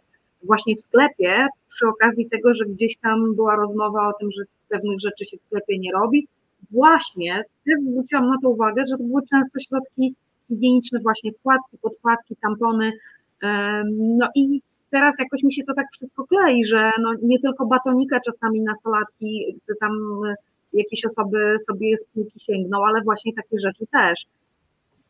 Może dlatego, że jakby o to trudniej gdzieś poprosić. No i tutaj takie pytanie w zasadzie i do jednej, i do drugiej z Was, bo e, Paulina, Ty rozumiem, że faktycznie ogarniasz od strony tych skrzynek ja wiem sama do, do organizacji takiej pozarządowej, ile próśb i najrozmaitszych takich całych dosłownie esejów o sytuacji wpływa na skrzynki na social mediach. No i tutaj Kaja ma jakby dane z tych wszystkich punktów jeszcze dodatkowe takie informacje, wygląda. Może to jest ten moment, żeby się podzielić właśnie tutaj z osobami, które troszeczkę nam nawet z naszych widzów, widzek nie dowierzają, że jest tak źle, jakimiś takimi no, anonimowymi historiami, E, które to jakoś, nie wiem, na, na żywym przykładzie pokażą, że faktycznie piszą do Was osoby, które e, no nie wychodzą na przykład w czasie miesiączki z domu, nie idą do szkoły, nie uczestniczą, nie wiem, w jakimś wyjeździe, e, wycieczce, no nie, nie chodzą do pracy, tak, bo bo nie mają właśnie tamponu pod paski, bo że są osoby, które naprawdę z tej skarpetki korzystają, bo nie zawsze jest to wata, wata też jest droga, tak? Więc jeżeli ktoś e, no, miałby kupić watę, to, to raczej kupiłby w tym momencie już podpaski, tak? A są osoby, które naprawdę na tym etapie chodzą z e, papierem toaletowym w majtkach. Mam trochę wrażenie, że może osoby niemenstruujące nie rozumieją, jaki to jest dyskomfort i, e, i taki fizyczny, i, i po prostu psychiczny. E, może tu trzeba po prostu jakimś takim, wiecie, naprawdę rażącym przykładem e, jakoś to zobrazować. Jasne, to, to ja pozwolę sobie zacząć, bo faktycznie do nas e, i na mediach społecznościowych, i na maila, i na stronie internetowej codziennie docierają różne informacje z różnymi historiami. I od początku naszej działalności miałyśmy okazję prowadzić działania z mm, bezpośrednio z osobami, których dotyczy problemu ubóstwa menstruacyjnego. I wszystkie te relacje i bardzo długie opowieści, ale też e, cytaty są dostępne e, właśnie na naszych mediach społecznościowych. Mm, najczęściej są one anonimowe, bo właśnie dla wielu osób to jest w dalszym ciągu wstydliwy temat, ale wydaje mi się, że jednym z takich, mm, z takich dla nas bardzo ważnych problemów i wiadomości które gdzieś wpłynęły na naszą działalność, była e, wiadomość, którą zobaczyłyśmy kiedyś na grupie na Facebooku, że mam 5 zł na koncie, zaczyna mi się okres, czy znacie jakieś miejsca, gdzie mogę zdobyć środki menstruacyjne. I to była wiadomość, która sprawiła, że w przeciągu 24 godzin założyłyśmy nasz projekt Padsharing, który mhm. jest w stanie pomagać osobom, które mają na przykład dostęp do internetu, i dostęp do technologii, ale nie są w stanie zapłacić za środki menstruacyjne. Mamy bardzo dużo osób, które piszą do nas, mówiąc, czego używają, że nie mogą na przykład wystarczająco często zmieniać środków menstruacyjnych, które mają, bo nie stać ich na więcej. I często piszą do nas osoby, które na przykład właśnie zgłaszają się do pomocy w padsharingu, mm, ale potrzebują tej pomocy bardzo, bardzo szybko i błagają wręcz nas czasami o to, żeby przyspieszyć ten tryb. Więc te wiadomości przychodzą codziennie, ale mi się wydaje, że w ogóle takimi chyba najbardziej szokującymi e, dla nas przynajmniej wiadomościami, które trafiają do nas bardzo często, zwłaszcza od czasu rozpoczęcia działalności na TikToku, gdzie trafiamy do bardzo młodych odbiorców, tak w zasadzie już od dziewiątego roku życia. I trafiamy do osób, które dopiero zaczynają miesiączkować i widzimy, jak tragiczny jest poziom edukacji na temat menstruacji, ponieważ bardzo często się zdarza, że piszą do nas dziewczynki i mówią, że są przerażone, bo dostały pierwszy okres, a krew menstruacyjna jest czerwona, a nie niebieska, jak ta w reklamach środków menstruacyjnych. I takie doświadczenia nam pokazują, że nawet jak poradzimy sobie już z tym fizycznym aspektem, materialnym aspektem ubóstwa menstruacyjnego, to i tak pozostanie dalej ta edukacja, która w dalszym ciągu może właśnie wpływać na godność, na samopoczucie, um, poczucie własnej wartości, um, więc jest jeszcze bardzo dużo do zrobienia i, i takie właśnie personalne historie cały czas to potwierdzają. Mhm. Kaja, jak ty to widzisz z perspektywy pracy z tymi osobami, które faktycznie obsługują te skrzyneczki w punktach i gdzieś tam raportują ci, jak one funkcjonują? E, no ja zgadzam się z Pauliną, że właśnie e, jest duży problem. E, z takiej historii konkretnej osoby to mogę opowiedzieć historię, że pewna pani zaczepiła inną panią na ulicy z pytaniem, czy nie ma tampona, żeby jej podarowała. Mm, no i ta pani powiedziała, że nie ma tamponów, ale ma podpaskę i może jej dać. Natomiast e, ta pierwsza pani powiedziała, że niestety ona nie ma nawet majtek, więc nie może skorzystać z podpaski i dlatego poprosiła konkretnie o tampony. Mhm. I to aż takie było po prostu w takiej sytuacji ubóstwa była ta osoba. Tak, i właśnie z mojego doświadczenia z punktami pomocy okresowej, często jest tak, że jednym domu żyje więcej niż jedna osoba menstruująca i one muszą się dzielić tymi podpaskami. Czasem jest to na przykład matka z, też z dziećmi, ale też, też są niemowlaki w tym domu, więc czasem zastanawia się, czy kupić pampersy, czy podpaski. I dostałam też historię, że osoba używała pampersów swojego dziecka, bo niestety ją było na podpaski, ale miała przynajmniej to 500 plus, żeby dziecku kupować pampersy, więc y, z tych pampersów robiła jakieś takie udawane podpaski, żeby chociaż trochę się wspomóc. Mhm. No i to są właśnie przeróżne historie. No ja jednak tutaj się odniosę, słuchajcie dziewczyny, w tym momencie do tego, do tego, co na czacie e, cały czas gdzieś tam wybrzmiewa. Cały czas jest taka niewiara, że może być tak źle, że naprawdę kogoś nie stać na tą paczkę e, podpasek czy tamponów, ale chciałam zwrócić uwagę, że tym razem ta niewiara jest naprawdę ze strony panów. I mm, wierzcie paniom, które piszą też tutaj na czacie, jak chociażby pani Kasia, y, no mm, to jest koszt tak jak tutaj Kaja zwłaszcza teraz powiedziała, proszę sobie wyobrazić, jeżeli e, no, jest faktycznie kilka osób menstruujących w domu, e, jeżeli jest faktycznie więcej na przykład e, młodych też dziewcząt gdzieś tam na wychowaniu jednego rodzica czy dwojga rodziców, to, to jest naprawdę góra tych środków potrzebna. I nie są to w tej chwili też rzeczy najtańsze, umówmy się. A ja jeszcze chciałam tutaj taki jeden malutki przykład Państwu powiedzieć. Był taki moment, kiedy ja zostałam na misję pod tytułem e, Leś po podpaski, bo się skończyły, wysłana przez jedną ze swoich córek e, i poleciałam do najbliżej znajdującej się biedronki. No i się nagle okazuje, że nie ma nic do kupienia, absolutnie nic, bo jest pusta półka e, i żółta naklejka, że coś tam obniżona cena w związku z tarczą antyinflacyjną i po prostu pusta puła. Wymiecione wszystko. Pół tamponu nie było, pół e, naprawdę wkładki, podpaski, wszystko po prostu zeszło. Dlaczego? Dlatego, że było 2 złote, jak się potem okazało, 2 złote taniej na opakowaniu.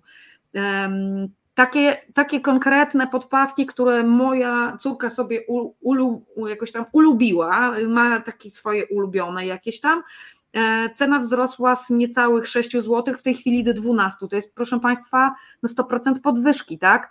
I teraz e, biorąc pod uwagę, ile przeciętnie osoba menstruująca takich środków w czasie jednego okresu zużywa, jak się to przeliczy przez po prostu kwotę, którą trzeba wydać na te środki i przez e, liczbę osób, które w domu potrzebują tych środków, to czasami są to naprawdę takie kwoty w budżecie, że e, no, biorąc pod uwagę, jaki procent polskiego społeczeństwa żyje na granicy ubóstwa, mnie to nie dziwi, że naprawdę e, zaczynamy traktować rzeczy podstawowego użytku jako rzeczy luksusowe po prostu w tym momencie, tak? E, jak Państwo gdzieś przy tych, przy tych półeczkach właśnie z tymi środkami po, postoją odpowiednio długo, zwłaszcza w marketach, to gwarantuję Państwu, naprawdę gwarantuję Państwu, że niedowierzającym, że prędzej czy później usłyszycie rozmowę, która będzie się sprowadzała do tego, że te podpaski, te tampony, coś tam jest za drogie. Albo że nie kupimy tylu paczek, tylko kupimy powiedzmy tam mniej, tak? E, wystarczy postać kilka minut i naprawdę traficie na taką rozmowę, e, na szukanie, porównywanie cen w tym momencie no tak, tak, tak. To gwarantuję, że, że się przekonacie naprawdę, że, e, że jest problem. I tak jak tutaj gdzieś wybrzmiało też w pytaniu, to co prawda akurat Paulina też poruszyła już w swojej wypowiedzi, to nie jest tylko kwestia właśnie tego, mm, e, że no, są to produkty w tej chwili nie najtańsze wcale, bo nawet te najtańsze produkty właśnie higieny takiej menstruacyjnej skoczyły wyraźnie, już pierwszy raz w czasie pandemii, a teraz przy tej drożyźnie no, drugi taki rzut cenowy nastąpił. Ale druga sprawa, że właśnie tutaj sprzęga się wiele różnych problemów z dostępnością, bo Państwo tutaj piszą na przykład, że, że gdzieś na każdym rogu są, można kupić te rzeczy. No to nie jest prawda. Wystarczy pojechać poza miasto i w takim gdzieś gminnym sklepiku, czy często w takim jedynym sklepiku, który jest gdzieś w okolicy w promieniu na przykład 10-15 kilometrów, e, bywa tak, że jest jedna paczka gdzieś tam jakiś podpasek e, na stanie, a tamponów to już w ogóle będzie problem z dostaniem, a czasami nie ma nic, absolutnie nic. I tu też taki przykład z prywaty. Ja w czasie wakacji jak Państwo wiecie, też e, reprezentowałam reset e, na Polandroku.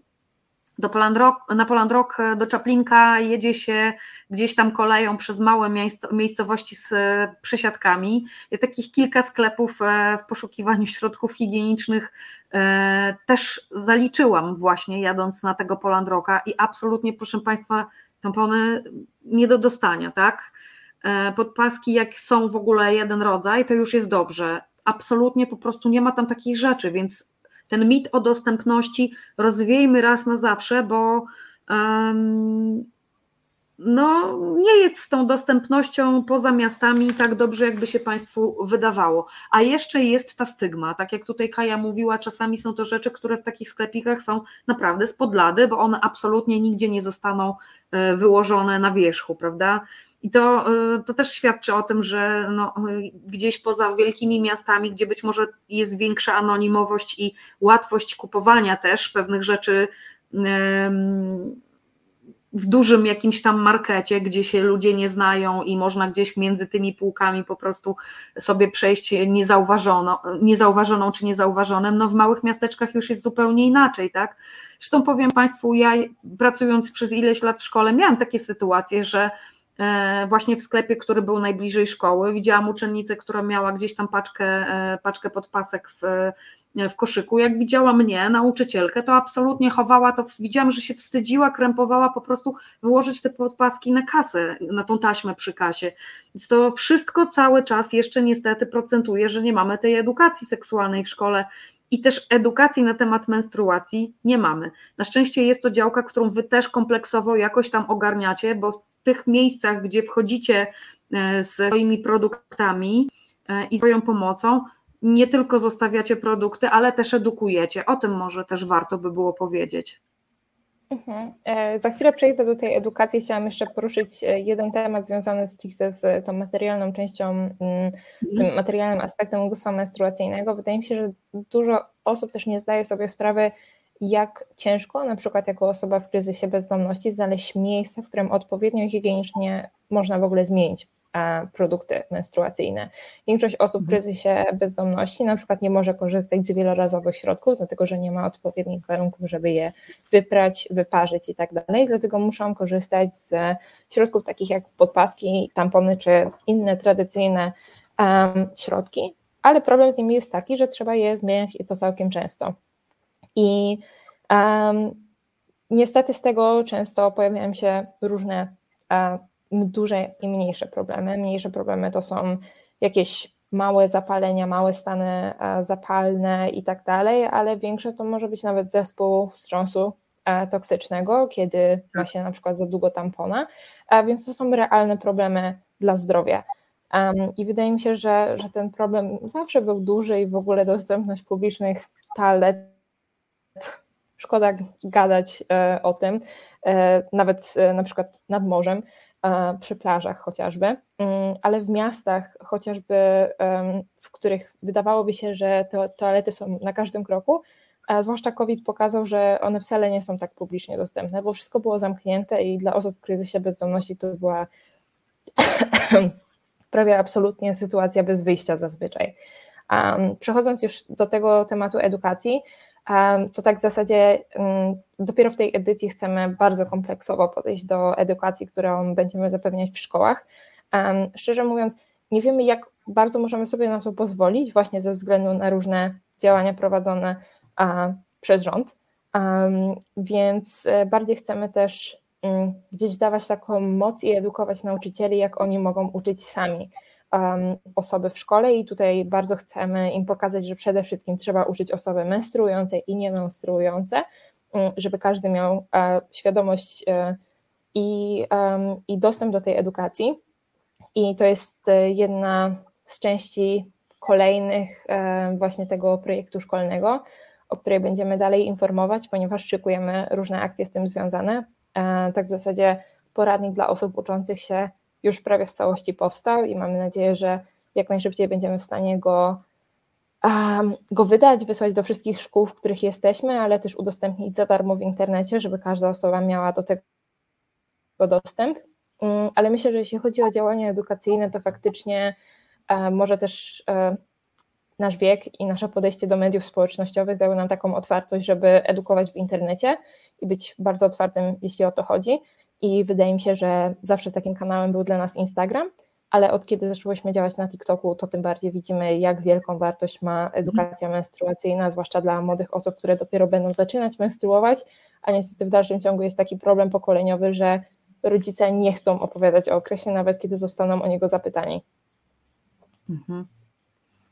No tak, i teraz jest taka sytuacja, że w zasadzie, jeżeli nie dowiedzą się od rodziców dzieciaki, nie, jeżeli nie dowiedzą się w szkole, a już wiadomo, że na tej edukacji seksualnej i takiej menstruacyjnej nie ma, po prostu nie ma, e, no to się nie dowiedzą i trzeba wchodzić z programami do szkół, bo inaczej no, będzie się też to nasze zdrowie po prostu e, pogarszało, e, chociażby z takiej po prostu niewiedzy, jak się tych środków higienicznych używa. Super, że robicie tą, tą, tą działkę. Ja jeszcze chciałam Was poprosić o to, żebyście, wiem, że jest dzisiaj dosyć trudno tutaj, bo te komentarze są takie, e, takie e, no typowe, dosyć niedowierzające, ale chciałam Was jeszcze zapytać o takie rzeczy, które sobie wypisałam tutaj z różnych forów, e, jak się wrzuci gdzieś w wyszukiwarkę ubóstwo menstruacyjne, właśnie i przeszuka najrozmaitsze fora, wypowiedzi, komentarze właśnie gdzieś tam w sieci też na social mediach na temat. No ja sobie tutaj takie wybrałam najczęściej spotykane, najczęściej, e, najczęściej pojawiające się, poza tymi, o których już mówiłam, czyli ten mit dostępności, e, mit taniości, e, i że to jest jakiś wydumany, wydumany pro, problem zupełnie, to też pojawia się często taka informacja właśnie, że no dobra, to jak ktoś nie ma pieniędzy, to można sobie zaoszczędzić i właśnie kupić te wielorazowe e, jakieś tam e, środki typu kubeczek, typu jakieś podpaski właśnie wielorazowego użycia. I co wy odpowiadacie, jak słyszycie albo czytacie takie rzeczy? Zdemitologizujmy to od razu. Mhm, dobra, chciałabym się tylko szybko jeszcze odnieść do tych komentarzy, bo, bo już się powtórzyło to pytanie, kim się w końcu zajmujemy. Zajmujemy się wszystkimi wymienionymi wcześniej grupami, ponieważ mamy różne stałe projekty, które mają trafiać do różnych grup. mhm. Różne na przykład skrzynki mają trafiać do osób, które właśnie mają dostęp do tylko miejsc publicznych. Tym samym są to typowe rozwiązania dla osób w kryzysie bezdomności. Mamy specjalny projekt w szkołach i mamy projekt internetowy. A oprócz tego organizujemy też dużo takich spontanicznych akcji, kiedy coś jest potrzebne od razu i w ten sposób możemy po prostu mieć różne kompleksowe rozwiązania dla różnych grup. I nasz zespół jest na tyle duży, że nie ma żadnego problemu, żeby wszystkie te działania koordynować.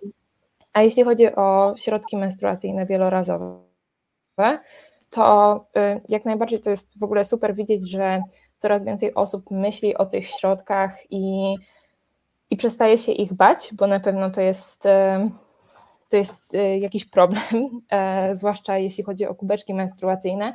W ogóle w Polsce jest duży problem nawet z używaniem tamponów. One często są traktowane w jakiś sposób grzesznie, co jest bardzo ciekawe, e, ale też e, bardzo utrudnia życie wielu osobom menstruującym, które na przykład często w domach rodzinnych nie pozwala się używać tamponów, tym bardziej kubeczków menstruacyjnych. Mm ale coraz więcej osób chce zacząć i coraz więcej pojawia się tego w sklepach stacjonarnych. Nie trzeba kupować w ciemno w internecie, zwłaszcza jeśli ktoś ma jakieś opory przed tym. I są to na pewno super rozwiązania dla osób, które mają odpowiednie warunki, żeby z nich korzystać, czyli właśnie na przykład możliwość regularnego prania, regularnego wyparzania, czyszczenia. I e, no, są to też zdecydowanie bardziej ekologiczne rozwiązania. Ale są takie grupy, dla których to nie będą po prostu produkty, zwłaszcza osoby właśnie w kryzysie bezdomności, czy osoby, które, dla których po prostu te rozwiązania nie działają, nie czują się z nimi odpowiednio.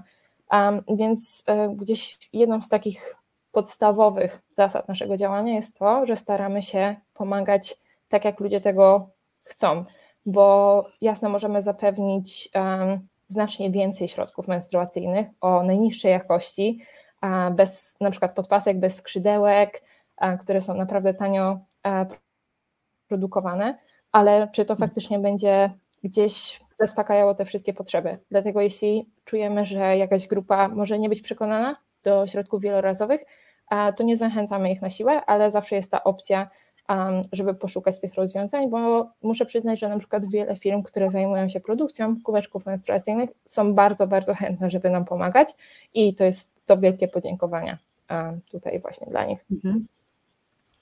Czyli w zasadzie dla każdego coś dobrego. Dla tych osób, które mają możliwości korzystać z tych środków wielorazowych, jak chociażby z kubeczków, no to jakby wy to też oferujecie.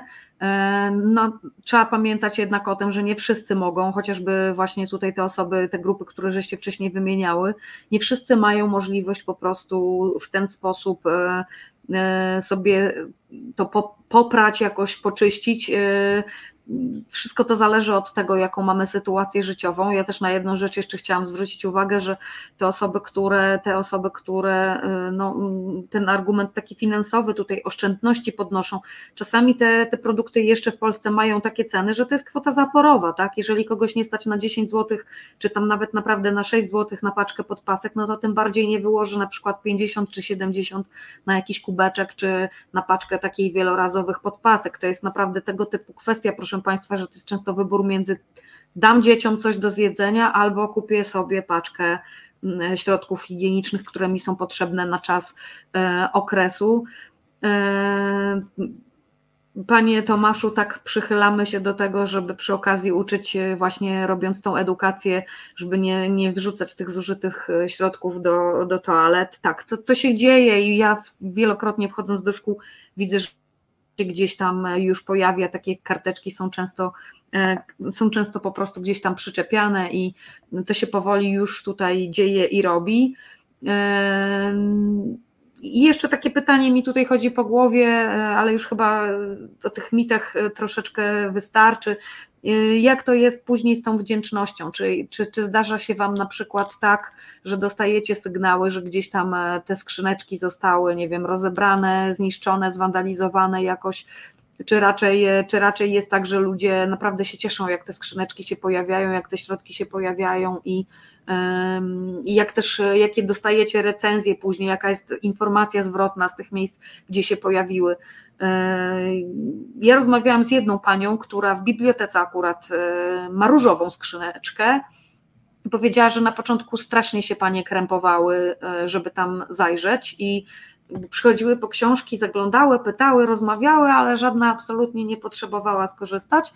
Do momentu, kiedy ta skrzyneczka nie została, e, że tak powiem, przeflancowana do wejścia, w takim wiatrołapie została ustawiona pod monitoringiem gdzieś tam jakoś, żeby była bezpieczna, w sensie, żeby jej nikt nie zdewastował, natomiast wtedy, wtedy zaczęły te produkty faktycznie być z niej wybierane i e, i po jakimś czasie ta pani bibliotekarka, jedna, druga już nawet wiedziały, które panie właśnie w kryzysie bezdomności przychodzą, które właśnie starsze osoby gdzieś tam przychodzą, E, kiedy się pojawiają jakieś grupy młodzieży, że też wtedy gdzieś tam, e, gdzieś tam korzystają z tego dziewczyny w takim wieku szkolnym i e, no tak sobie pomyślałam, że na pewno macie mnóstwo historii z tego, jak to wygląda w praktyce, jaki jest odbiór tych wszystkich takich akcji skrzyneczkowych. To może ja teraz odpowiem na to pytanie większość, y, znaczy za każdym razem jak gdzieś stawiamy punkt pomocy okresowej, to y, jest on bardzo dobrze przyjęty, chociaż też mhm. zdarzają się właśnie komentarze, że po co to jest i doszło już do różnych aktów wandalizmu. Y, nie będziemy tego ukrywać, ale nie poddajemy się i dopóki jest chęć w lokalnej społeczności, żeby kontynuować współpracę, to wysyłamy kolejną szafkę i w kolejnym miejscu ją po prostu montujemy i staramy się działać cały czas. E, mhm. Na przykład w Bogatyni ostatnio e, zniszczyli nam szafkę, ale mm, działamy, szukamy miejsca, gdzie ona będzie może bezpieczniejsza, gdzie nie będzie tak, nie wiem, rzucała się w oczy i denerwowała jakichś osób, które, którym się to nie podoba. E, no i liczymy na to, że po prostu kiedyś dojdzie do takiej sytuacji, że to będzie po prostu normalne, że jest szafka, gdzie można dostać bezpłatne tampony i podpaski i nikt nie będzie chciał, nie wiem, ją ukraść albo walnąć w nią. Mhm. No ale też ja bym się takimi rzeczami nie przejmowała. Znaczy, z jednej strony trudno powiedzieć, nie przejmujmy się, no, trzeba pamiętać, że jest na przykład 200 osób, które korzysta z tego, że jest gdzieś taka skrzyneczka i potem trafi się jakiś jeden jeleń, często pod wpływem, czy no jakaś jedna osoba, często pod wpływem gdzieś alkoholu, czy gdzieś jakaś potrzebująca rozładowania, jakby co by nie było na drodze, to by pewnie uległo zniszczeniu. Nie musi to być koniecznie tak, że, e, że, że po prostu jest to wymierzone jakby w tą, w tą skrzyneczkę, że to chodzi konkretnie o to, żeby zniszczyć daną jakąś tam półeczkę, skrzyneczkę, e, cokolwiek postawicie, dlatego że to jest punkt pomocy okresowej, tylko po prostu jest to coś, co się da zniszczyć, a ktoś w tym momencie ma ochotę się wyładować. E, w taki sposób niszczone są przecież w Polsce różne rzeczy, od koszy na śmieci na ulicy, poczynając powiaty, e, wiaty przystankowe, jakieś, nie wiem, skrzyneczki do booksharingu, te, te takie do zostawiania książek w różnych miejscach. No, w zasadzie no, różne rzeczy są w Polsce niszczone przez różne osoby e, w różnych sytuacjach. E, myślę, że, że wy nie macie takich raczej zgłoszeń, że to chodzi konkretnie o to, że właśnie ktoś jest przeciwny temu, żeby się środki higieniczne gdzieś pojawiały w przestrzeni publicznej. Nie, no nie wiemy tego. Nie. E, to znaczy, mhm. przynajmniej nie mamy tak, że, że jest coś na przykład zostawiona wiadomość, która mówi, że właśnie jak mają być darmowe podpaski, to ja chcę darmowe maszynki do golenia mhm. um, i, i zazwyczaj to są zwykłe akty wandalizmu, ale myślę, że taką też ciekawą rzeczą, która, która jest całkiem świeża, jeśli chodzi o informacje o nas w fundacji, um, jest to, jak akcja się przyjęła w szkołach. Wśród mhm. um, osób menstruujących ona od razu się przyjęła bardzo dobrze, ale w tym roku mieliśmy okazję zrobić raport, które już niedługo opublikujemy, o tym, jak wyglądała ta edycja. I właśnie pytaliśmy się wszystkie osoby koordynujące w szkołach, czy były jakieś problemy, czy na przykład e, były środki wyrzucane do toalet, mhm. czy ktoś na przykład niszczył pudełka. I zdarzyła się sytuacja, że chłopcy wzięli podpaski i zaczęli je rozlepiać i przyklejać na przykład na ścianie. Mm, ale osoba koordynująca przekazała nam, że po rozmowie okazało się, że oni wcale nie chcieli tego zniszczyć i wcale nie chcieli jakby robić nikomu na złość, tylko to była czysta ciekawość tego właśnie, że nigdy nie mieli kontaktu z środkami menstruacyjnymi. Nikt im nie postanowił o tym powiedzieć i postanowili zobaczyć, jak to wygląda. Wydaje mi się, że tym bardziej to pokazuje, że, że warto po prostu oswajać dzieci z tematem menstruacji, niezależnie czy same będą menstruować, czy też nie. Mhm. Tak, to prawda. To też pokazuje, że y, mamy i tatusiowie w domach mają sporo do zrobienia, bo przecież y, praktycznie w, w każdym niemal domu, no poza tymi, gdzie ta, tata wychowuje samotnie, powiedzmy samych chłopców, no to jednak w większości polskich rodzin, jakie by one nie były, jeśli chodzi o ten skład osobowy, no najczęściej jest przynajmniej jedna jakaś osoba menstruująca, e, no i cała reszta powinna się już jakoś też nauczyć tego, że jest że jest e, ta menstruacja i że są te produkty. Może to jest też takie hasło e, i taki apel, żeby tego po prostu w domu nie chować i nie robić z tego tabu. Niech te produkty stoją, niech każdy może sobie je obejrzeć naprawdę, kto tego potrzebuje. Niech każdy się z tym po prostu zapozna. I jest taki wiek po prostu też, jeśli chodzi o chłopców e, w rozwoju, że, że oni sprawdzają takie rzeczy i, i bardzo jakoś chcą dotknąć. E, pracowałam w gimnazjum przez wiele lat, więc jakby doświadczyłam tego, wiem, że tak po prostu jest. Natomiast fajnie, jeżeli mówisz, Paulina, że takie akcje się dzieją czasami, jeżeli potem gdzieś tam idzie ta edukacja, no i to jest ten piękny aspekt, e, że wy też wchodzicie po prostu z taką edukacją czysto. Nie wiem, czy tutaj Iza mogłabyś pokazać w tym momencie zdjęcie, gdzie jest taki e, pan tampon i pani podpaska uśmiechnięta e, na zdjęciu. Może się uda to pokazać gdzieś Państwu. E, to są takie, takie propsy, które Wy gdzieś tam też e, robiąc akcje e, pokazujecie dzieciakom, żeby właśnie zapoznały się z tym, jak te rzeczy wyglądają, jak się ich używa. O, właśnie, widzą Państwo w tym momencie, to są maskotki. To są po prostu maskotki. Tak. Mam imiona dla tych maskotek, z tego co wiem. Tak, to jest tampon Tadeusz i podpaska Paulina. No tak wyszło Mamy jeszcze akurat. kubeczka Rafała. Macie jeszcze kubeczek Rafała. Okej, okay, kubeczek Rafał. To, to też fantastyczna rzecz. No i z takimi rzeczami właśnie wchodząc do szkoły, Na pewno na początku spotykacie się zawsze gdzieś tam z jakimś takim ha, ha, ha, hi, hi, hi, zwłaszcza jak są młodsze dzieciaki, no ale dzięki temu one się oswajają i potem jest szansa, żeby faktycznie tych środków gdzieś tam nie niszczyły, bo już wiedzą, że to jest normalne, wiedzą do czego to jest, wiedzą, że to się przydaje i, e, i nie marnują. Tu się jeszcze takie jedno moje pytanie pojawia z tych właśnie, które gdzieś tam wychwyciłam na forach.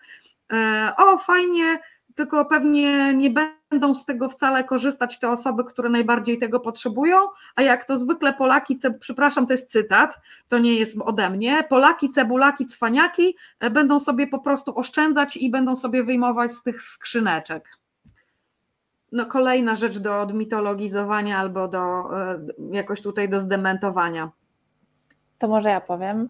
E, mhm. Właśnie często zdarzają się takie komentarze e, i moja odpowiedź zawsze brzmi następująco. Jak sami Państwo mówicie, paczka podpasek nie jest przesadnie droga i tak naprawdę jeśli ktoś sobie weźmie z szafki, nie wiem, dwie paczki podpasek, to naprawdę się na nich nie wzbogaci i ciężko jest sprzedać, nie wiem, gdzieś na bazarze, żeby dostać to 10 zł. Y, więc jeśli ktoś bierze, to naprawdę tego potrzebuje. Nawet jeśli według nas nie jest to osoba najuboższa i najbardziej potrzebująca, no to jednak ktoś sięga po to i może w tym momencie po prostu musi już iść do toalety, zmienić podpaskę, więc sobie bierze. I my takim osobom też chcemy pomagać. Y, mhm. Dlatego nie patrzymy, nie pytamy się, kim jesteś, ile zarabiasz, dlaczego bierzesz te produkty, tylko po prostu skoro bierzesz, to potrzebujesz i my ci ufamy. Mhm. Bardzo mi się podoba to założenie, że, że, że stosujemy tą zasadę społecznego zaufania, że skoro bierzesz, to znaczy, że potrzebujesz, my tego nie kwestionujemy. E, no ale fajną zasadą jest też to, że jak ktoś w takiej sytuacji e, skorzysta, że można też tą skrzyneczkę potem zasilić, tak? Czyli na przykład, jeżeli mnie stać na to, żeby e, sobie iść i kupić e, właśnie te wszystkie środki higieniczne, w jakiejś sytuacji mi po prostu zabrakło, więc z tej skrzyneczki skorzystałem, skorzystałam, wzięłam sobie po prostu coś, no to potem można fajnie oddać, prawda? Jakby i tutaj ten taki mm, obieg społeczny się tworzy i poczucie takiej odpowiedzialności, że wzięłam, wyjęłam, ale e, potem też oddaję, na przykład w taki sposób, że gdzieś tam Was wspieram e, na zrzutce, albo właśnie, że zasilam, zasilam wkładając e, gotowe produkty gdzieś tam do takiej skrzyneczki. No i tutaj kolejna sprawa, jak potem jest właśnie w tych szkołach i w tych wszystkich miejscach z tym, z tym zasilaniem. Czy udaje się na przykład tak jakoś przyuczyć te lokalne społeczności, żeby nie tylko polegały na tym, że wy dostarczacie gdzieś tam te produkty bo zakładając taki punkt też jakoś e, po prostu staracie się mieć nad nim już zawsze potem opiekę i baczenie. Czy zdarza się tak, że na przykład gdzieś nie musicie w ogóle dokładać, bo po prostu społeczność się na tyle już przyuczyła, zmobilizowała, że sami ludzie dokładają te produkty?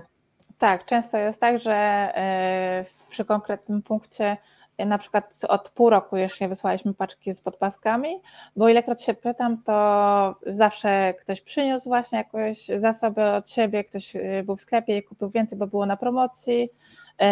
Ludzie też organizują zbiórki właśnie wśród y, znajomych. Ostatnio też super news właśnie z takiego naszego okresowego świata, że para młoda brała ślub i poprosiła zamiast kwiatów, żeby ludzie przynosili podpaski i tampony i w ogóle środki, produkty menstruacyjne.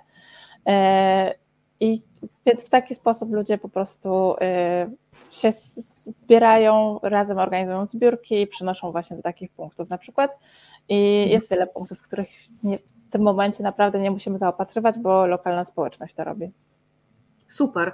Tak sobie pomyślałam o tym, o tym pomyśle właśnie ślubnym, bo e, widziałam u Was akurat takie fajne zdjęcie, taką fajną grafikę, e, promującą to jako taką fajną rzecz do upowszechnienia e, że przyjęło się jakoś, że już w Polsce na przykład zamiast kwiatów właśnie dajemy książki, potem te książki gdzieś są przekazywane na przykład do więzienia, gdzieś tam do jakiegoś, nie wiem, domu dziecka, zabawki, pluszaki, karma dla zwierząt do schronisk. I teraz kolejny, kolejny patent, kolejny pomysł dla mnie bomba, no to właśnie te środki higieniczne, zbiórka i potem przekazujemy je gdzieś tam na przykład osobom potrzebującym do konkretnego ośrodka, na przykład ośrodka pomocy społecznej, gdzieś tam tak, do ośrodka dla osób uchodźczych, czy chociażby właśnie można się do Was zgłosić i Wam przekazać, czy gdzieś do jakiegoś konkretnego punktu e, w jakimś konkretnym miejscu, chociażby szkole, bibliotece, e, to, to, to dać. To jest, to jest naprawdę super sprawa, jeżeli ktoś z Państwa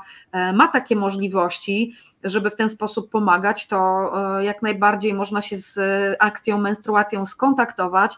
No i oczywiście można też, można też mm, jakby tutaj wesprzeć finansowo zbiórkę, jeśli Państwo się jeszcze z kasy nie wypstrykali, jeżeli macie tak na przykład, że co miesiąc chcecie gdzieś pieniążki przekazać, no to wrzućcie, wrzućcie do swojej rotacji też akcje menstruacje i inne organizacje zajmujące się walką z ubóstwem menstruacyjnym, bo tam też naprawdę cały czas jeszcze e, jest potrzeba, e, jest potrzeba finansowa dosyć duża. E, no i tutaj dziewczyny jeszcze taki z tych ostatnich kwiatków, ale naprawdę obiecuję, że to już jest ostatni, właśnie o tej ekologii jeszcze się pojawia, że, że no jakby znowu się pojawiają te środki e, jednorazowe, że góra śmieci i że lepiej by było w ogóle z tego zrezygnować i dawać tylko te, e, tylko te środki wielorazowe. Wy w zasadzie częściowo tutaj już o tym powiedziałyście, dlaczego tak, no, no ale niech to jeszcze raz wybrzmi, że jak, jakby jak najbardziej jest ta świadomość ekologiczna, no ale też trzeba wiedzieć, komu się pomaga i że nie wszystkim można w ten sam sposób pomóc. Mhm, jasne. E, my tak w zasadzie y, jako członkinie akcji wszystkie bardzo lubimy, środki wielorazowe. Mm, mamy w zespole takie pasjonatki, które uwielbiają na przykład testować też różne firmy i to jest coś, czym chcemy się też zająć, żeby właśnie pokazywać, czym się różnią poszczególne produkty wielorazowe. E, to na pewno będzie jakaś seria na naszym Instagramie, więc zapraszamy do obserwowania. Mhm. Ale faktycznie jest tak, że, że my mamy dużą świadomość, staramy się o tym jak najbardziej edukować. Często robimy na przykład warsztaty o e, wielorazowych środkach menstruacyjnych.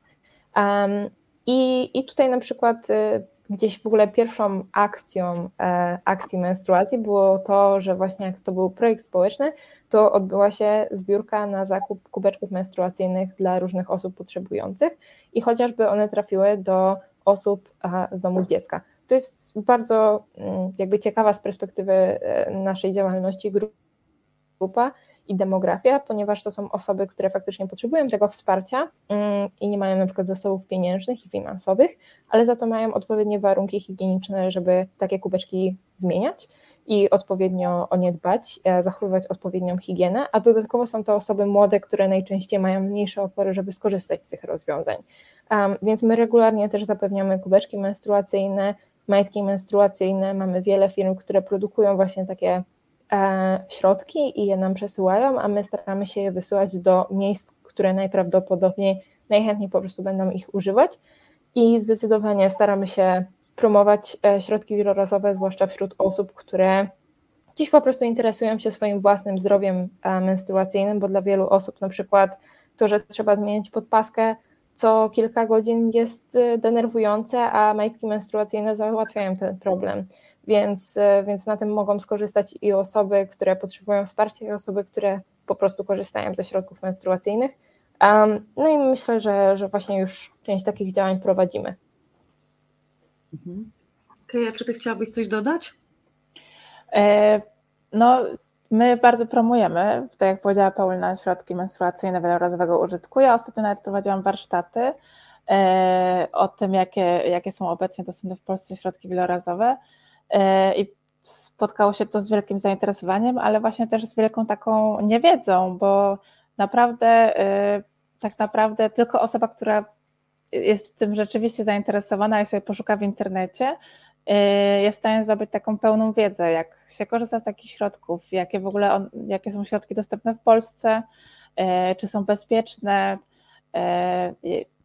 na przykład sposoby zakładania kubeczka, to też nie jest takie oczywiste, bo jest wiele różnych sposobów, niektóre są łatwiejsze, niektóre są trudniejsze.